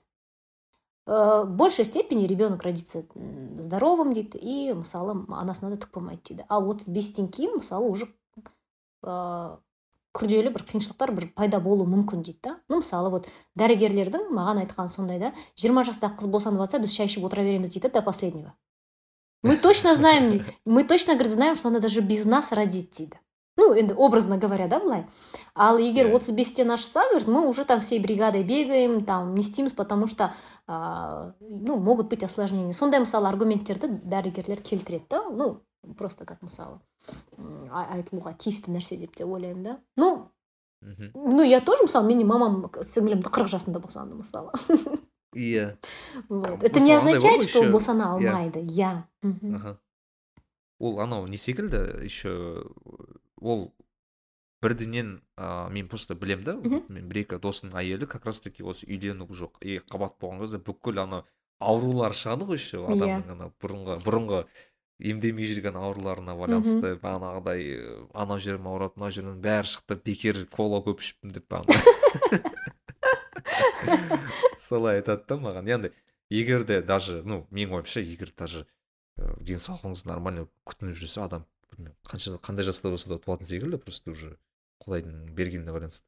Мхм иә вот ну денсаулық прям ключевая роль дейді ғой. Мысалы әрине сен 16 жасыңнан бастап не денсаулығыңды қарамай темекі тартып бүйтіп бүйтіп несең у тебя в 20 лет нормальный ребенок может не родиться да? Сондықтан бұл әрине қандай жасқа келсең де мысалы адам өз денсаулығын қарау керек та а бізде стереотипный мышление мынандай ғой мысалы ә, как будто спортпен тек қана жас адамдар айналысу керек та. А вот алпыс елуге келгенде біздің ата аналарымыз не дейді? Ой мен картидым ол қайдағы жүгіру там қайдағы жүзу да вот, вот мышление сондай да мен картиген сайын мен азырақ қозғалуым керек та мысалы. Азырақ бүйтуім керек. Азырақ уже можно есть что попало. Сондай какой то бір стереотип пайда болады да типа а вы пока молодые питайтесь нормально там спортом занимайтесь деген. Мен там блин вообще что такое? мен анау қазір қазір далаға шықсам ә, көбінесе жастар емес ана кәрі кісілер жүгіріп жүреді да мында европада да ойлайтын иә блин дейсің олар қандай еще бір есіңде бүйтіп великпен кетіп бара жатасың бүйтіп вроде как мен нормально келеді жете алмай келемін да бір апашкалар кетіп бара жатады бүйтіп ойлаймын құдай мыналарда күш қайда деп. Бізде немене сол есіме түсіп кетті испанияда тағы да табарка деген бір қалада заплыв болған сол кезде біздің мектепте мысалы алишер деген адам қатысқан досымыз он километр. Сол айтады да мен жүзіп келе жатырмын говорит алдымда бір үш метр бес метр менен бір старушка плывет дейді да. И мен ойладым дейді да мынау старушка сейчас обгоню говорит вы говорит не поверите я не то что говорит не обогнал финишқа жеткенде говорит ой анау говорит вообще кетіп қалды дейді да мен оны вообще говорит так и не нашел и өзіме солай ұялдым дейді да анау кәрі ападан мен қалып қалғанмын дейді хотя ол жақсы жүреді да сол сияқты ол бұл жағынан европаның адамдары кішкене берері көп иә ол жағдай ондай ыыы былай қалай айтсам екен адамдар былай айтайыншы мысалы біз көп тақырыпты қозғадық мысалы бағана адамдардың өз өзін тастап қою мысалы отбасыда немесе адамдардың өз өзіне қарамауы деген секілді. Бәрі өзіңнің бір жеке комфортыңа тірелетін секілді. Яғни адам всегда айтамын да кім болмасын қандай болма қандай отбасыда болма өзіңе бір комфорт тауып ал деймін да всегда яғни уақыт тап кітап оқуға уақыт тап жүгіруге уақыт тап блин уақыт табылады. Как бы просто ол как сказать ну хобби емес это необходимость деймін да уже короче адамға. Сондай сондай замандамыз деймін да сорри ну блин надо как бы время выбивать деймін да өздеріңе бізде просто бізді былай тәрбиелеген ғой өзіңе уақыт арнау бұл эгоизм. А эгоизм бұл жаман. Бізді өмір бойы солай тәрбиеледі да типа а что ты хочешь жить для себя что ли? дегендей да? Біздің түсінігімізде біздің өмірімізді міндетті түрде біреу үшін өмір сүруіміз керек та. Ата аналарымыз үшін балаларымыз үшін күйеуіміз үшін да? И өзіңе уақыт арнау ол біртүрлі да қалай мен ә, барып екі сағат жүгіріп келемін да? Қалай вот это вообще какой то нонсенс дегендей да? По сути былай қарасаң ол ол наоборот ең керек нәрсе. Себебі сенің бағана айтқандай сен бақытты болмай сен жан жағыңдағы адамдарды бақытты қыла алмайсың. Сен өзің ақылды болмай сен жан жағыңдағы адамдарды не болмаса балаларыңды сен ақылды қыла алмайсың. То есть ең басты сенің сен ресурссың ғой сенен біреу алу үшін сен әрқашан бір бір ә, толып тұруың керек та. Сондықтан сол, сол нәрсені түсіну керек деп ойлаймын мен. В ресурсном состоянии болу иә в ресурсном состоянии да. Иә өте керек. Нарик билай енді мен бар ғой осы соңғы талқылағым келген мынау зат осы айна ханыммен бағана басында айтып өттік біз ә, бір не екенбіз кәсібіміз бір екен подкаст жасаймыз. Ә, ханымның керемет өзгеру керек деген ә, подкасты бар. Бірақ ең бірінші осы ажыраспа деген подкаст жасап көрдіңіз иә есінде болса? Бірақ ол өтпеді ау деймін иә сізге ұнамады ойбай ол өтпеді емес. Мен оны жасағанда до такой степени қиналдым. Вот қазір шын айтсам бар ғой нәрікби мырза вот снимаю перед вами шляпу.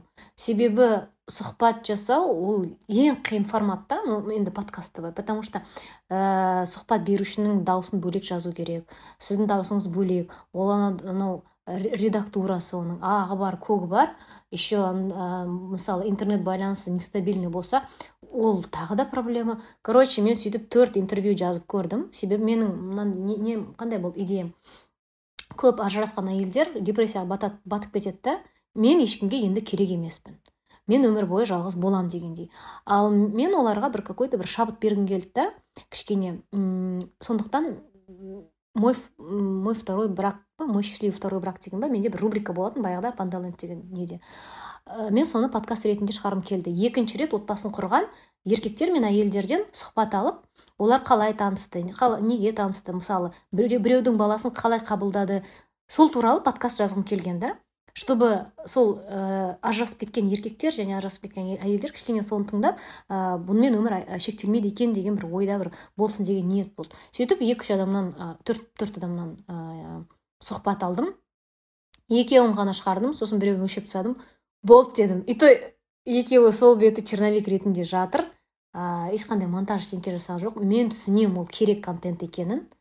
Бірақ шын айтам ә, менің қолымнан ол келмейді. Мынаны отырып монтаж жасап оны тыңдап мына жерін кесіп мынау а уды алып тастап задний шумды алып тастап мен просто айттым нет можно нет дедім сондықтан ә, бұл формат енді қалды. Егер ертең бір күшті спонсор тапсам менің орныма оның бәрін жасап беретін адам тапсам мен без проблема ол подкастты қайтадан жаңартушы едім. Айна ханым осы жылы негізі мен айтқым келгені өте қызық жыл болды жиырмасыншы жыл әсіресе ол подкаст жағынан жаңа профессиялар yeah. пайда иә. болды. Бізде мысалы монтажер подкастов деген не пайда болыпты.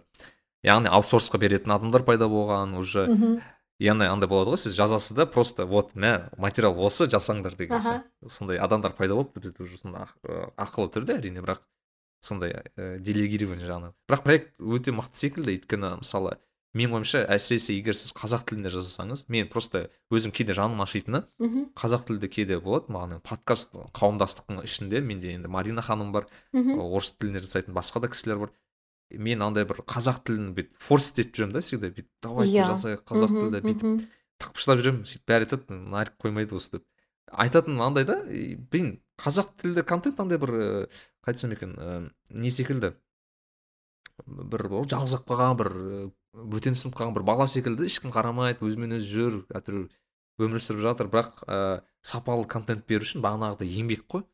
Өте көп еңбек. Мысалы маған кейде айтады нәрікби осы осы жазыңызшы айна ханыммен жазыңызшы қуаныш мырзамен жазыңызшы айтамын сіздер түсінбейсіздер деймін да ол ол қандай еңбек мен зерттеймін ол кісілерді ол кісілер жазады ол қанша сағат отырамын монтаждаймын оны шығарамын пост жазамын бағанағы промоушн жасаймын блин это целый жұмыс и это делаю бесплатно дейді как бы ана тегін жасалатын жұмыс тем более ол ақша ештеңке бермейді тек маған бағанағы білмеймін ішкі бір қуаныш сыйламаса ол бағанағыдай да. Мхм біртүрлі ол қырғын запрос деймін да. Ол өте көп еңбек сондықтан мен шын айтқанда жақсы көрген осы істі жақсы көрген үшін шығар мен жасап жатырмын. Өйткені жақсы көрмесем точно сіз сияқты тастап кетер ме едім мүмкін. Ыыы бірақ сіз қазір ыыы андай бөлек форматқа көшіпсіз да? Сіз монолог иә. ретінде жазасыз иә? Мен кәдімгі андай ыыы қалай ауырдың үстімен жеңілдің астымен формат таңдадым да. Просто без монтажа без ничего. Себебі мен ыыы мынандаймын да мен точно өзімді білемін. Мен перфекционистпін. Мен бір нәрсені бастасам маған прям идеальный вариант бірден керек та. Ә, сол кезде мен өз өзіме айттым. Мен қазір бұның барлығын ә, ескеріп монтажын жасап ана жерін қиып мына жерін ә, жалғастырып жасайтын болсам мен бұл подкастты ешқашан шығармаймын да. Сондықтан мен өзіме айттым просто вот тупой былай шығара салам. Ә, ең бастысы контент дегендей иә. Ә, тыңдайтындар тыңдайды. Егер жақсы болып бара жатса мүмкін ертең там монтаж бірдеңкесін қосамын деп ойладым. Ә, сөйтіп шығарып бастадым. Бірақ адамдарға ұнаған сияқты әйтеуір. әйтеуір бір тыңдап жатыр адамдар. Бірақ мен әрбір подкаст сайын кешірім сұраймын да. Бұл подкастта бұл эпизодта да ешқандай монтаж болмайды. Бәрі бір дубльдан жазылады деп алдын ала ескертіп қоямын бұл айнахан бұл бір фишка секілді кейде даже бар ғой. Иә өйткені сіз заранее айтып қоясыз дисклеймер деп. Ешқандай не жоқ деп.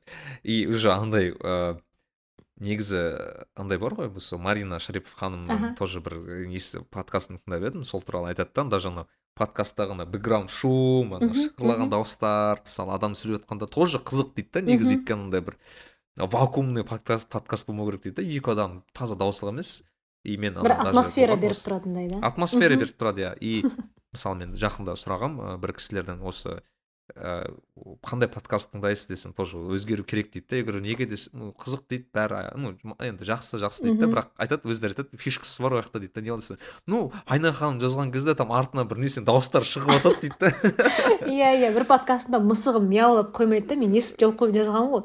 Анау қоймайды мяу мяу дейді. Енді вроде бы естілмейтін сияқты да микрофоннан алшақ отыр дегендей. Бірақ соңында тыңдап қарасам кәдімгідей мяулап жатыр. Иә ол да бір фишка секілді негізі өйткені анау ә, тоже бір как будто срез бар ғой бір, бір Иә, иә. уақыттың срезі именно мен осындай состояниеда болдым деген секілді жазған кезде мгм. бірақ аты күшті екен подкасттың өзгеру керек деген шынымен Ой, мен- өзгеру керек деген мен оның неймингісін посыл. иә мен негізі осының атын таңдағанда ыыы өте қатты қиналдым да? Потому что маған бір, бір, біріншіден оның мағынасын беру керек подкасттың а екіншіден ә, андай қысқа ә, бірден есте қалатын ә, сөз болу керек. Үшіншіден менде ә, болашаққа деген андай ой болды да бір белгілі бір мерч жасаймын деген. Мүмкін блокнот жасаймын өзгеру керек деген. Мүмкін футболка да. Сол кезде адамдар киетіндей мерч да. А, м, ажыраспа деген футболканы енді екінің бірі кимейтін шығар. Вот сондықтан мен ойладым. Ал негізі подкаст ажыраспадан шыққан бағана мен айтқан ажы, ну ажыраспа деп жазайын деп ойладым да бірақ соңында түсіндім да сол ажыраспа жобасын ә, жүргізіп келгенде бағанағы айтқандай проблема ә, неде емес. Үйленуде емес проблема адамның ішінде да. Сондықтан ә, ол кішкене ауқымды болып кетті да. Ол отбасы ә, мәселесінен сәл шекарасынан шығып кетті да. Сол кезде сол кезде де мен ойланғанмын че то аты уже не подходит ажыраспа дегендей. Ә, сондықтан осы былай ойланып ары ойланып бері ойланып сол өзгеру керек деген ә, атауды ойлап таптым. И сол кезде вот ә, сізде де болатын шығар иә. Ам, когда вы понимаете что вот оно дегендей да бір. Вот Иә. точно мынау дегендей потому что кейбір ә, атаулар болды. Ұнаған бірақ былай вот это деген момент болған жоқ та. И вот осы атауды тапқанда я сказала о все это, это так называется вот. Сондықтан сол иә Ә, бірақ ә, мен бір ерекше ұнаған эпизод ол анау не болды кім туралы? Ер бақты деген бе сол Иә, сол иә, иә. қызық. Өте бір необычный эпизод екен. Мен де ойлаған ана бағана айтып едік қой а, что так можно было деп да. енді. Ойлағанмын ғой басында қостым да ойладым қазір айна ханым тұрып алып а, ер бақты деген деген секілді бір әңгіме болады деп. Аш қосам ала жақта бір құдай самасының жиырма отыз адамның аудио сообщение бар екен да. Иә оказывается так можно? Ә, сөйтіп. Бірақ қызық адамдар неше түрлі. И дауыстарына байланысты кейбір адамдар машинеде отырып жазған Иә. дауыс машинеде дауыс Мгм. шығып тұр и андай бір ә, и адамдар да қызық та кейде біреулер ә, мысалы андай не болып тұрады ә, бір біреу более діни кісілер там дін жайлы айтып кетеді бір кісілер там более спорттық жігіттер четкий жігіттер болады ғой андай бір Иә, иә, четкий иә. пацандар иә біреулері кәдімгі серьезно отнеслись біреулері просто прикольнулись да? Вот сол да қызық болды. Ана бір кісі бар еді ғой ә, Қой деген ербақыт ба? деген. Е қайдағы Иә. ербақты ол? Вот сол сондай ой мен күлгенім ай соны. Естіп мә ана кісі базар жоқ екен дедім негізі бірақ маған өзіме ұнағаны м, мен шыны керек былай ойладым да қазір жауаптардың барлығы ербақты бұл ну, ақшаға жұмысқа байланысты нәрсе ну болады деп ойладым да. Ер адамның меніңше ә, самореализациясы өте маңызды сияқты да. Ә, мысалы әйелдер ә, білмеймін мен ә, қалай айтсам болады. Біз бәрібір отбасына жақынбыз да. Ә, біз бәрібір андай егер бізге таңдау берсек жұмыс істейсің ба не болмаса ә, бала шағамен айналысасың ба десе меніңше басым бөлігі бәрібір бала шағамен айналысушы еді. Вот мен өз басым мен точно сондаймын. Ертең маған мысалы сондай ә, не берсе таңдау берсе таңдау берсе мен отбасымды таңдаушы едім. То есть менде андай амбиция жоқ та ой там шерил сендер болу дегендей вот ал ер адамға меніңше вот самореализация дейді өте маңызды нәрсе сияқты. Себебі ер адамға ә, біріншіден өзіне ұнайтын іспен айналысатын ер адамдарды мен сирек кездестіремін да. Ә, бұл өте маңызды сияқты. Ә, солай бола ма деп ойладым жауаптар. Бірақ жауаптар қарасам кәдімгі біздің қыздар қауымының да ойында жүрген жауаптары кәдімгі отбасы туралы пайдалы болу туралы дегендей енді сондай жауаптар қызық болды өзіме. Мен ә, шынымен ойладым ә, менде де сондай күткен негізі. Ер- еркек адамның бақыты ол бағана не ғой өзінің потенциалын былай не істей Иә, алу иә, ғой иә, аша алу деген секілді. А бірақ ананы естіп ойланып қалдым. Кейбір адамдар тек отбасы жайлы айтты. Менің әйтеуір бала шағам болса бір, болса, бір қызығы иә бір қызығы мен әдейі өз таныстарымнан ғана сұраған жоқпын. Себебі мен білемін да менің ортам көп жағдайда солай жауап береді. Себебі ол саналы бір сондай еркектерден құралған орта. Сондықтан мен өзімнің ә, смм курсымды аяқтаған э, чат бар. Қазақстанның түкпір түкпірінен жиналған адамдар ә, соларға тастадым да мен айттым вот ер адамның бақыты деген не? Өз ә, күйеулеріңнен ба ә, інілеріңнен ба ағаларыңнан ба сұрап көріңіздер дедім да. Солардың мысалы маған жіберген аудиолары бар. Менің ә, оқырмандарым мысалы екеуі менің оқырманым тек қана инстаграмдағы тек қана екеуі ғана менің оқырманым сөйтіп сөйтіп жиналып былай қарасаң ә, рандомли жиналған нәрсе бірақ дегенмен жауаптары сондай болып шықты. иә бірақ сіз байқағаным анау бір ә, даже инстаграмда не істеген кезде сізден анау ә, подписчиктер мотивация жайлы сұраған кезде сіз прям жарылып кетеді екенсіз кеше кеше стористарыңызды қарап бүйтіп әбден күлгенім бар еді потому что бір вот маған білесіз ба не ұнамайды маған мне не нравится что наших людей дурачат. Вот жек көретін нәрсем біздің қазіргі бизнес тренерлар. Анау мынау да мысалы бір айда 300 мың тап менің оқушыларым бір айда 2 миллион жасады менің анамын 5 миллион жасады мен өмірімді өзгерттім баяғыда былай қазір там 100 миллион табам анау да мынау. А, по факту оның бәрі ондай емес мен бәріне топырақ шашпаймын да. Бірақ ешкім түсіндіріп жатқан жоқ та саған ол керек па жоқ па? Ә, иә мүмкін курсты өткендердің мысалы біре- біреуі солай шығатын шығар да мысалы бірақ тура солай жарнама беру солай айту мен қазір сендерге ну көп жағдайда ақша табудың амалы болып болып шығады да сондай нәрселер. И мен сондай нәрсені жек көремін да мен айтамын қалай сен құдайдан қорықпайсың сен адамның бәріне өйстіп ақшаны жинап аласың да. Ондайларда инфо цыганство дегенге иә иә сондай прям сондықтан мен жек көремін да анау подписывайтесь на мою страничку я вам дам мотивацию или менің курсым арқылы я вам дам мотивацию. Мен айтамын какой нафиг мотивация да? И адамдар соны ә, просто қорытпай жұта береді жұта береді мен айтамын неужели сен ну остановись ты подумай да вообще. Қалай сенің орныңа басқа адам саған не керегін біле алады да? Білмейді. И сондықтан бұндай нәрсенің барлығы просто не знаю надувательство сияқты да. Сондықтан ондай нәрсеге мен ә, менде иммунитет жоқ та. Мен просто не Иә. могу спокойно реагировать. Мен одан бұрын мне кажется мотивация деген сөзден бұрын білмеймін басқа сөзбен алмастыру керек сияқты мысалы өзіңді тану білмеймін. мхм а, өз даже блин вот хоббиіңді табу деген сөз бар ғой. Мхм уже біраз мағына береді да негізі. Өйткені адам мен шын айтайын бар ғой айна ханым мысалы мен осында көшіп келген кезде менде бос уақыт көп пайда болды да. Мхм и ойлаңыз мысалы мен жұмысым бес жарымда алтыда бітеді. А күн мында жазда мысалы өте кеш батады. Мысалы онда он бірде батады да сонда менде бес сағат күнім бар да мен ойладым мен мен бес сағат не істеймін деп. Бес сағат кітап оқымаймын ғой явно. И уже хобби ойлана бастайсың так маған қандай хобби ұнайды? Так и уже бірден осылай ойлап ойланып кеттім да. И расымен түсінгенім ол хоббидің даже болуы ол бар ғой бір адамның ну, жетілу деңгейі екен негізі көрсеткіші негізі. Мхм мен толықтай хобби жоқ адамдарда значит не до хобби оған адамға күшті күшті терминді айттыңыз не до хобби деген. Өте дұрыс адамдар вот негізі бар ғой бастауыш мектепте өзін өзін тану деген пән бар. И ата аналардың бәрі оны ә, дұрыс қабылдамайды да керек пән ретінде. И былай айтады да ой апай өз өзін танудың орнына математиканы қоя салайық дейді да дүниенің барлығы елдің бәрі математик болып шығу керек сияқты да.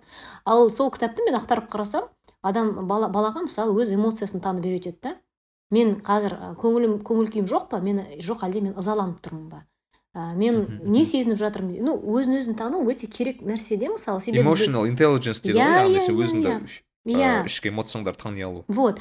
И біз өз өзін тануды оқымағандықтан 25 жасымызда психологқа барамыз да и өз өзін тануды сол кезде оқимыз да. Сондықтан сосын мен балаларыма мысалы жиі жиі сұрақ қоямын да.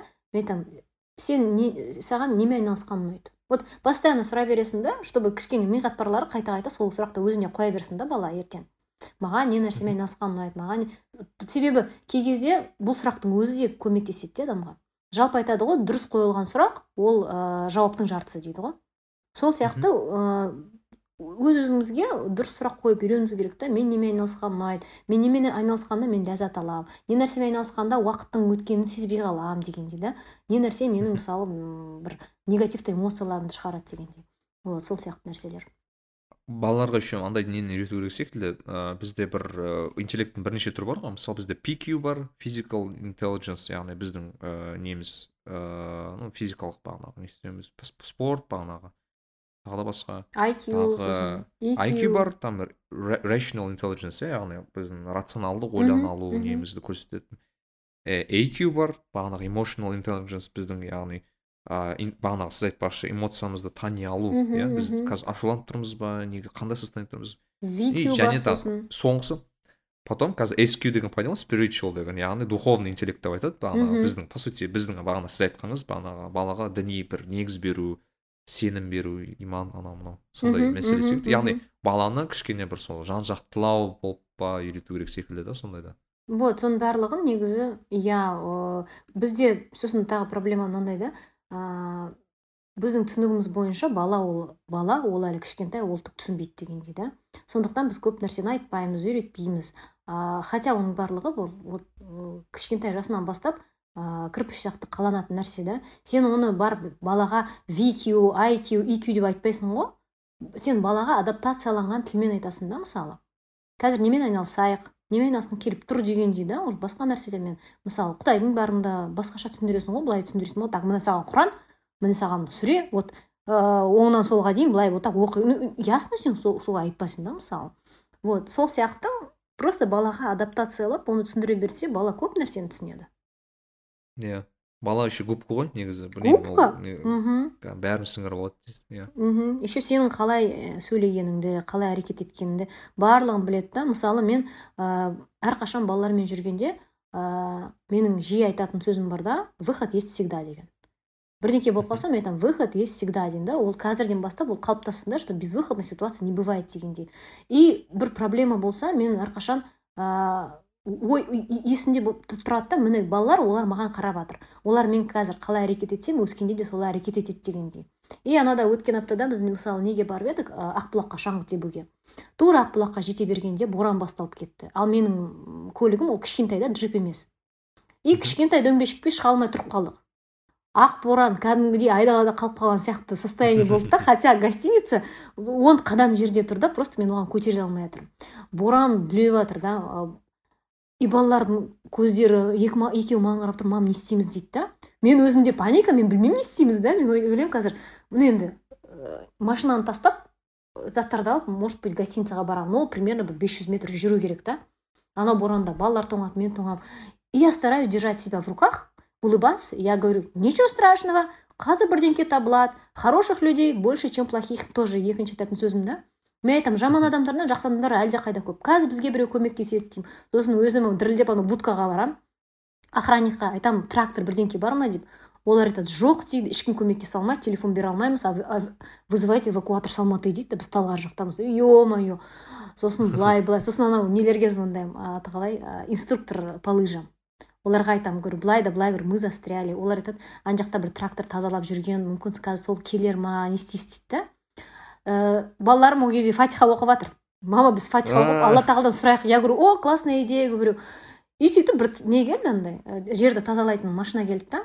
Ол кішкене топырақ сеуіп бірақ мен бәрібір шыға алмадым да. Ол маған былай да көмектесті былай не получается. Сосын бір джип келді артымнан.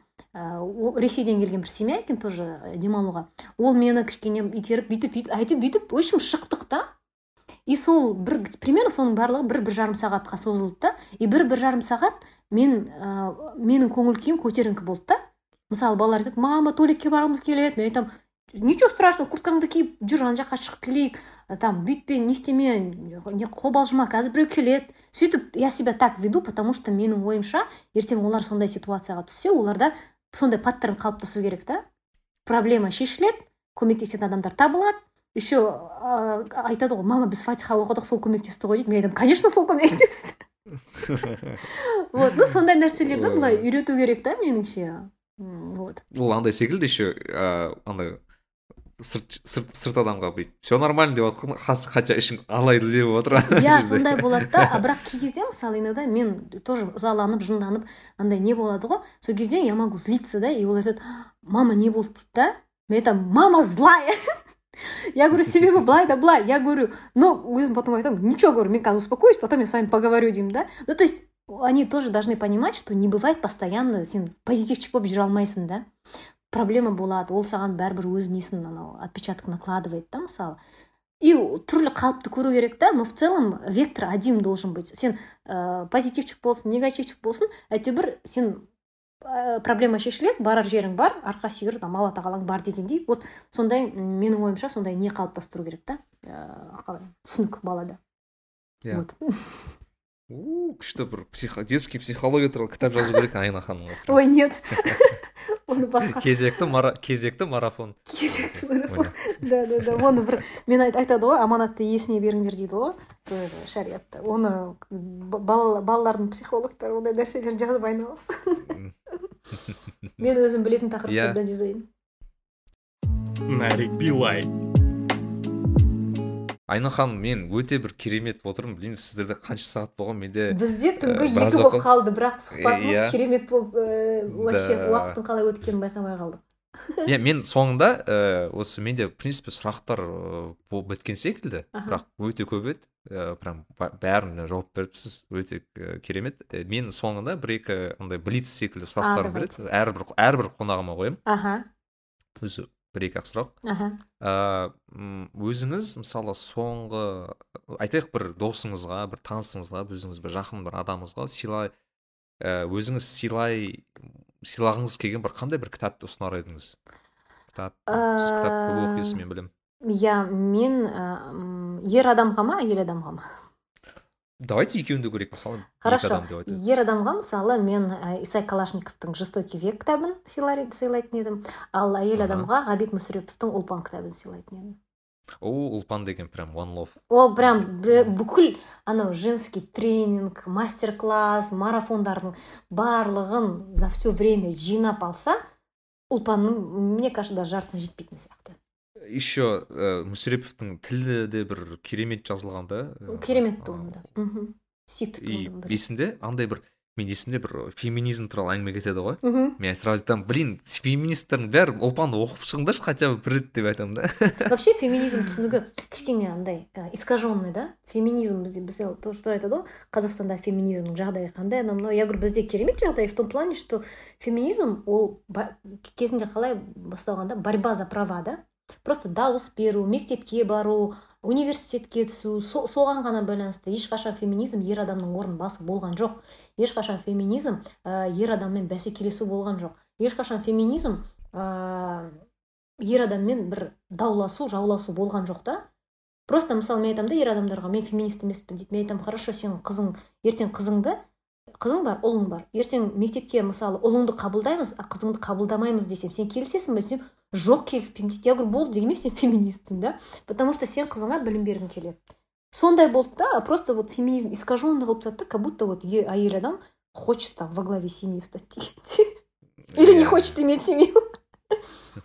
Вот. Бағанағы child free Мгм. ә, бағанағы Иә. ба- батыстық феминизм деп айтамын мен кішкене андай бөлем феминизм восточный и феминизм западный деп бөлу керек мен секілді келісемін да. Западный феминизм кішкене он такой бізге қатты келе бермейді мысалы мен европадағы феминизм ол қатты кетіп қалған маған десем. Оның андай Мен- искаженный понятиесі кішкене бар. мен мысалы андай көргем бар ғой. Айна ханым мысалы кішкене оф топ бірақ мысалы мен феминизмға байланысты. Ә, европада мысалы осы голландияда бір болады ғой кейбір кезде бір стычкалар тағы бір нәрселер. И м, мен видеоларды көргем да мысалы? Бір үш екі бір, бір толпа кісілер ішіп алған қыз да бар ұл да бар и олар ыыы не істей алмай жатыр да ана төбелескісі келіп жатыр и негізі по- полиция ол не- бұл жақта да жестокий ғой негізі олар прям егер а- а- ысқынып тұрып жатқан көрсең олар бір екі рет ұрады да ну, ана сағыңды сындырады да и потом уже сөйлеседі сенімен и ол жерде андай болды да ана қыздар просто бір нәрсе деп айқайлап тұр ана жігіттер тоже бір нәрсе деп тұр ана қызды да ұлды да аямай әкетіп сол жасады да и мен ойлаймын ол бір феминизмнің бір белгісі да өйткені Иә. не өйткені равные права. Егер Иә, иә. еркек торда ұрса әйел де ұру керек тура солай деген секілді. Бірақ мен мысалы қазақ қоғамында еркек еркекті ладно ұрады бірақ бірақ мысалы білмеймін. Әйел адамды ұруға қанша дегенмен қол бата бермейді қазақ қазекеңнің менің ойымша. Анау Мен- тура мен көргендей. иә мен анау батыстық феминизмді дұрыс деп санамаймын бағана айтқандай ше. Ә, сосын болады ғой типа paternity leave. Иә, иә, иә. бала босанғаннан кейін әйел жұмыс істей береді да ал декретте мысалы әкесі отырады бар ғой. Мен оны тоже мен жүз пайыз қолдаймын деп айта алмаймын да. Себебі менің ә, түсінігімде м, бағанағы айтқандай материнский инстинкт деген бар иә. Сосын әйелдің ә, беретіні көп жағдайда балаға бір мах- махаббат андай нелер да әкенің беретіні басқа да мысалы. Сондықтан мүлдем бір орын баса алады бірін бірін не істей алады дегенде мен онша сене бермеймін да. Ә, мен за что я топлю дейді ғой. Вот а, ұл болсын қыз болсын ол оқыған сауатты болсын. Ә, мысалы жауапкершілігі бар болсын да мысалы. ә, өзінің тұрақты позициясы болсын деген. То есть оның барлығы мысалы отбасылы болуға ешқандай кедергі емес та. Қайта мысалы бір бірімен сөйлесе алатындай да. Просто вот саналы адам. Вот наверное за что я топлю точно. Вот. Иә. Так что бәріміз ыыы ұлпанды оқиық. Иә. Бір керемет туынды. Иә. Ә, айна ханым тағы бір екі қандай кітап бере аласыз? Так общий соңғы оқыған кітаптарыңызды мүмкін. Сізге бір ұнаған мүмкін. М, так соңғы оқыған кітаптардан сосын маған ұнайтын ә, мысалы болат жандарбековтың саки кітабы ұнайды. Мхм. Ә, кеңес бере ала, а- аламын дейтіндей ә, сосын ә, а сосын мысалы мен кез келген детектив жанрындағы кітаптарды көбірек көбірек оқыңыздар деп кеңес бергім келеді. Неге? Себебі көп көп адамдар ойлайды да детектив жанрындағы кітаптардың бәрі глупый деп та. А по идее детектив жанрының кітаптары аналитикалық және ә, критикалық ойлауды прям мықты қалыптастырады да. Дедукцияны қатты дедукция логика. Мен просто жиырма жыл бойы тек қана сол кітаптарды оқыған адаммын да сондай кітаптарды. Сондықтан ә, маған мысалы ә, өте қатты көмектесті деп ә, айта аламын да сол кітаптарды. Вот наверное. Конан дойлдың кітаптары керемет. конан дойль Холмстың. бар Шер... ну и әрине шерлок холмс туралы потом прям есть ә, классиктар бар да детектив жанрының классиктары ол джеймс хедли чейз картер браун рек стаут ә, сондай авторлар қазіргі адамдар оны көп біле бермейді бірақ ә, кәдімгі корифей детективного жанра дейді ғой мысалы Мгм, вот мгм. ә, сондай адамдар иә детектив короче оқимыз Иә. болат жандарбековті оқимыз и бағанағы Ұлпанды жестокий век оқимыз. и ұлпанды оқимыз болды Ә, готовый этот ә, гиф ойнатсаңыздар осы кітаптарды беріңіздер да да да иә так екінші сұрақ. Вот ә, соңғы айтайық бір жылдың ішінде немесе бір жарым жыл екі жылдың ішінде ә, сіздің м, бір ең ұнаған жасаған өзіңізге кішігірім инвестиция инвестиция дегенде бірақ мүмкін бір өзіңізге ұнаған бір қажет болған бір кішігірім зат қымбат емес. Айтайық там бір жүз екі жүз доллардың шамасында мхм ә, бірақ өміріңізге өте бір пайдалы болған. Қандай бір зат бар? Мен менде ондай екі зат бар негізі. М, Аха. біріншісі ол ә, whiteboard яғни ақ тақта маркерлік тақта. Иә. Төрт мың теңгеге ма алдым екеуін алдым өзіме кішірегін балаларға үлкенірегін алдым да. Вот реально ә, всем советую да мысалы. Ә, себебі ә, біріншіден ә, өзіңнің мысалы мақсаттарың болсын ә, мысалы күн кестең болсын кездесулер болсын барлығы бірден жазып көзіңнің алдында тұрады да. Ал балаларға үлкен алғаным да жақсы болды. Мен ол жерге мысалы сабақ түсіндіргенде кез келген нәрсені түсіндіргенде ә, визуализация жасауға керемет құрал да. Ә, ручка іздеп тұрмайсың қағаз іздеп тұрмайсың еще ол үлкен болғандықтан ана жеріне мына жеріне жаза бересің. Сондықтан ақ маркерлік тақта меніңше вот прям супер күшті нәрсе ә, деп ойлаймын да. Так екіншісі ол бір. ол бір. Екіншісі ол сегіз мың теңгеге алған домашний тапочка. Ол ол неге мен әр- әрқашан есіме түсіремін потому что үй, үй, үй- үйіміз суық та. Мен ата анамның үйінде бірге тұрғанда алғанмын. Страшно суық та. И мен сол тапочканы мың ойланып алғанда маған ә, сториста көрсеткенде маған бүкіл ол кезде жиырма мың подписчик шығар бәрі жазды да ол не практично ол ертең барлығы тапталып барлығы бычыт болып қалады дейді да. И сол кезде мен прям көңілім түсіп қалған блин сегіз мың теңге потратил на тапочки. Деп и вот содан қателеспесем бір алты жыл өтті. До сих пор сол қалпында да? И мен сол тапочканы кигенде вот я ощущаю что я дома.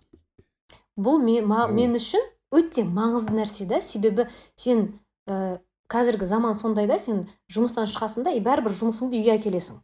Миыңда жұмыс болады да бәрібір. Бір расслабление жоқ. А мен үйге келем осы тапочкамды киемін да и все как будто вот проблема жоқ я дома дегендей андай не бар ғой хюгге деген понятие. А, вот иә сол сияқты у меня час хюгге вот это когда ноги в тапочках еще плюшевый жоқ андай ғой ол ә, негізі мынандай исследование психологиялық жалпы негізі заттар бар ғой что егер адам мысалы жұмыстан келіп киімін ауыстырмаса мхм адам демала алмайды негізі өйткені анау триггер да киім триггер да мысалы ақ көйлек қара шалбар ол ә, как бы не да? Расслаблять етпейді да адамды иә точно. И и пока шешпегенше адам демала алмайды сол үшін айтады ғой анау мысалы еркек адам жұмыстан келгенде өзі тупняк болып тұрады бір он он бес минут короче бүйтіп киім кешкен кезде бүйтіп өйткені андай да трансформация да ана бәрін киіммен бірге іліп тастап кету деген секілді иә вот Мен қазір- мен қазір ана жұмыс істеген кезде кейде енді үйде жұмыс істеймін да и специально таңертең жұмысқа келетін джинсымды киіп аламын да хотя үйдемін. М, андай атмосфера сондай болсын атмосфера жасаймын да Иә. как будто жұмыста отырмын андай өзің е не расслабляйся деп бұл негізі кішкентай нәрсе болып маңызсыз бір андай түкке тұрмайтын нәрсе болып көрінгенімен өте маңызды нәрсе да. Сондай вот триггер якорьларды бол, болған жақсы да. Мен де бірден келемін да мысалы өзімнің фланелевый пижама аяғыма тапочка киіп аламын да и все и прям жаным тыныш болып жақсы болып қалады да. Сондықтан сондай сондай инвестиция. Иә. Мен whiteboard аламыз yes. Иә. Енді үшінші андай более бір абстрактный сұрақ. Ол мынандай ә, айна ханым елестетіп көрейік. Ә, мысалы алматыда ә, ең бір үлкен бір white не бар ә, билборд бар. Мгм. билборд дегенде енді қаладан шығып тұратын. Айтайық әл фарабидағы ең үлкен билборд сіздікі да мхм. Сіздің бір мықты бір үлкен билборд бар бүкіл қала соны көреді. И ол сіздікі и сіз қандай бір зат қояр едіңіз? Сізде полностью бір өзіңіздің еркіңізде да ол сурет қоясыз бір месседж инстаграмда бір реклама қоясыз білмеймін бір кез келген зат. Вот қандай зат жасар едіңіз сол жерге? Не қояр едіңіз? Ә, енді бұл мүмкін адамдардың кішкене қорқытатын месседж шығар бірақ білмеймін мүмкін бір ә, моланың суретін қоюшы едім. Кімнің? Моланың. Моланың иә қабірдің ба қалай? Ну мне хочется чтобы понимаете адамдар әрбір қадамын ә, ойланып істеді да? Себебі мысалы ә, қазір ә, сені тоқтатып сен ә, не ә, жол жүру ережесін бұзған үшін ақша алатын полицейскийларды мысалы көремін да? Анада мені тоже тоқтатты да. Қолында сақинасы бар. Я понимаю что үйінде мысалы отбасы бар анау мынау. Бір елудегі ер адам. Менен не сұрап тұр да? Қалай анау? Взятка сұрап тұр да? пара сұрап тұр. Ол ол ойланып тұрған жоқ қой ертең мен мына параға қалай жауап беремін ол дүниеде деп. Дәл сол сияқты андай өтірік месседждар қоятын там инфо, инфо цыгандар да. Олар да ойламайды ғой ертең ол үшін жауап беретін да. Кез келген адам бір нәрсе істеп жатқанда біз біз көп жағдайда ә, ертең біз өлеміз бәрібір мына нәрсені өзімізбен алып кетпейміз тек қана өзімізбен алып кететін ол біздің ә, осы дүниеде істеген ә, мысалы жақсы және жаман ә, іс әрекеттеріміз екен. Көп жағдайда біз біз пендешілікпен ұмытып кетеміз да? Өтірік айта саламыз бүйте саламыз сөйте саламыз дегендей ә, сондық сондықтан бір как будто мы будем жить вечно да былай орысша айтқанда. Ә, сондықтан мүмкін бір адамдардың соны еске түсіріп тұратын бір жазу ма сондай бағанағы сурет па сондай бірдемені қойып қоюшы едім интернетте бір жүр ғой бір сурет ә, адамдар очередьта тұр да? И ә, алдыңғы қатарда уже неге жақындаған адамдар құс болып ұшып кетіп жатыр да. И астында иә. надпись бар да что мы все стоим уже в очереди да. Вот сондай нәрсе меніңше бір тәубеге келтіретін сияқты адамдарды да. Вот мысалы э, неде мен Ду- дубайда болғанда эмиратта сол кездегі тұрғындармен сөйлескенде мен мен айтатынмын сендердің мысалы мынау шейхтарың қандай ақылды деймін да осының бәрін жасап жатқан олар айтады себебі ол иманы бар адам дейді да ол енді. Ол білет что оның мысалы осы байлықты жиып алып ол дүниеге алып кетпейтінін біледі да.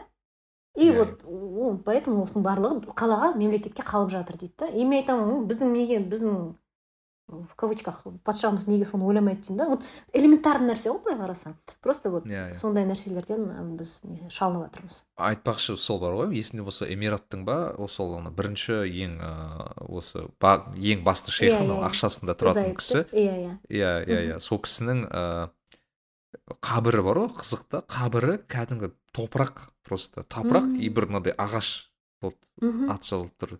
Сондағы айтады да настолько ну типа адамдар ну қанша миллиард болды ғой кісілерде енді ну, Иә. бүкіл мұнай әлемнің мұнайы болған Мгм, мхм. адамдары сондағысы бір кәдімгі кә- кәдімгі адам жататын қабірде жатыр дейді да сондағысы әрине біздікіне помпезный нелер салмаған да ойбай Ә. бізде целый не салады ғой андай пантеон мен айтамын сен уже өліп кеткеннен кейін сен вообще сен даже көрмейсің сенің қабірің қандай болатынын да иә сен оны көрмейсің уже тебе все ештеңкені алып кете алмайсың даже сенімен бірге анау байлықты көміп тастаса да ол дүниеге алып кете алмайсың ол сені ешқашан ну, құтқара алмайды зачем да? Мен просто логикасын түсінбеймін ондай адамдардың сондықтан вот не знаю.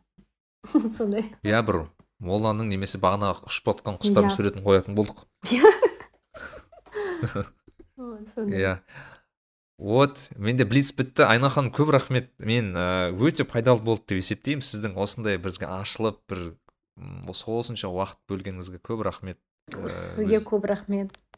Кәдімгі күшті интервью болды. Мен негізі айтамын да мен ә, журналистика саласы менің ең жақсы көретін салам болды. Мен кезінде журналист болғым келді да ал соңғы кезде мен вообще ә, сұхбат бермеймін да. Себебі сұрақтар да сауатсыз бір бірінен қайталана береді да сондықтан осы сіз сияқты ә, собеседник дейді ғой ә, сөйлескен прям кәдімгі бір своего рода жан азығы да сондықтан сізге көп көп рахмет. Иә айна ханым сізге де рахмет. Мүмкін сіздің бір тыңдармандарға мүмкін бір соңғы бір месседжіңіз болса бір айтар соңында. Мне кажется аль фарабидағы билбордпен все было сказано. Да? Иә. В общем айна ханым көп рахмет. Иә тыңдармандарға сіздер тыңдағаныңызға көп рахмет. Ә, бұл подкастты білмеймін ерекше болды маған ә, сіздерге де мүмкін. Иә ә, айна ханым сіздің жұмыстарыңыз алла тағала береке берсін. Осы ана, жасап жатқан проекттарыңыз ә, жүзеге асып ә, босфорды бағанағы бенидормды емес ә, мұхитты да ба- басқа да қалған мұхиттарда жүзуге нәсіп етсін. Ә, рахмет. ең болмаса ла маншты өзі рахмет сізге көп көп ыыы иә. Айна ханымға жазылып тұрыңыздар бізге жазылып қойыңыздар инстаграмда бізді белгілеп жүріңіздер. Ыыы баршаңызға көп рахмет. Күндеріңіз сәлеке өтсін өзгеріп жүріңіздер. Айна ханымның өзгеру керек подкастын тыңдап жүріңіздер.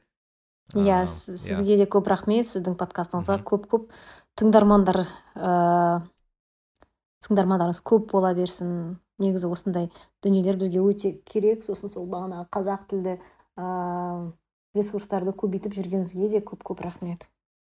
Иә баршаңызға рахмет.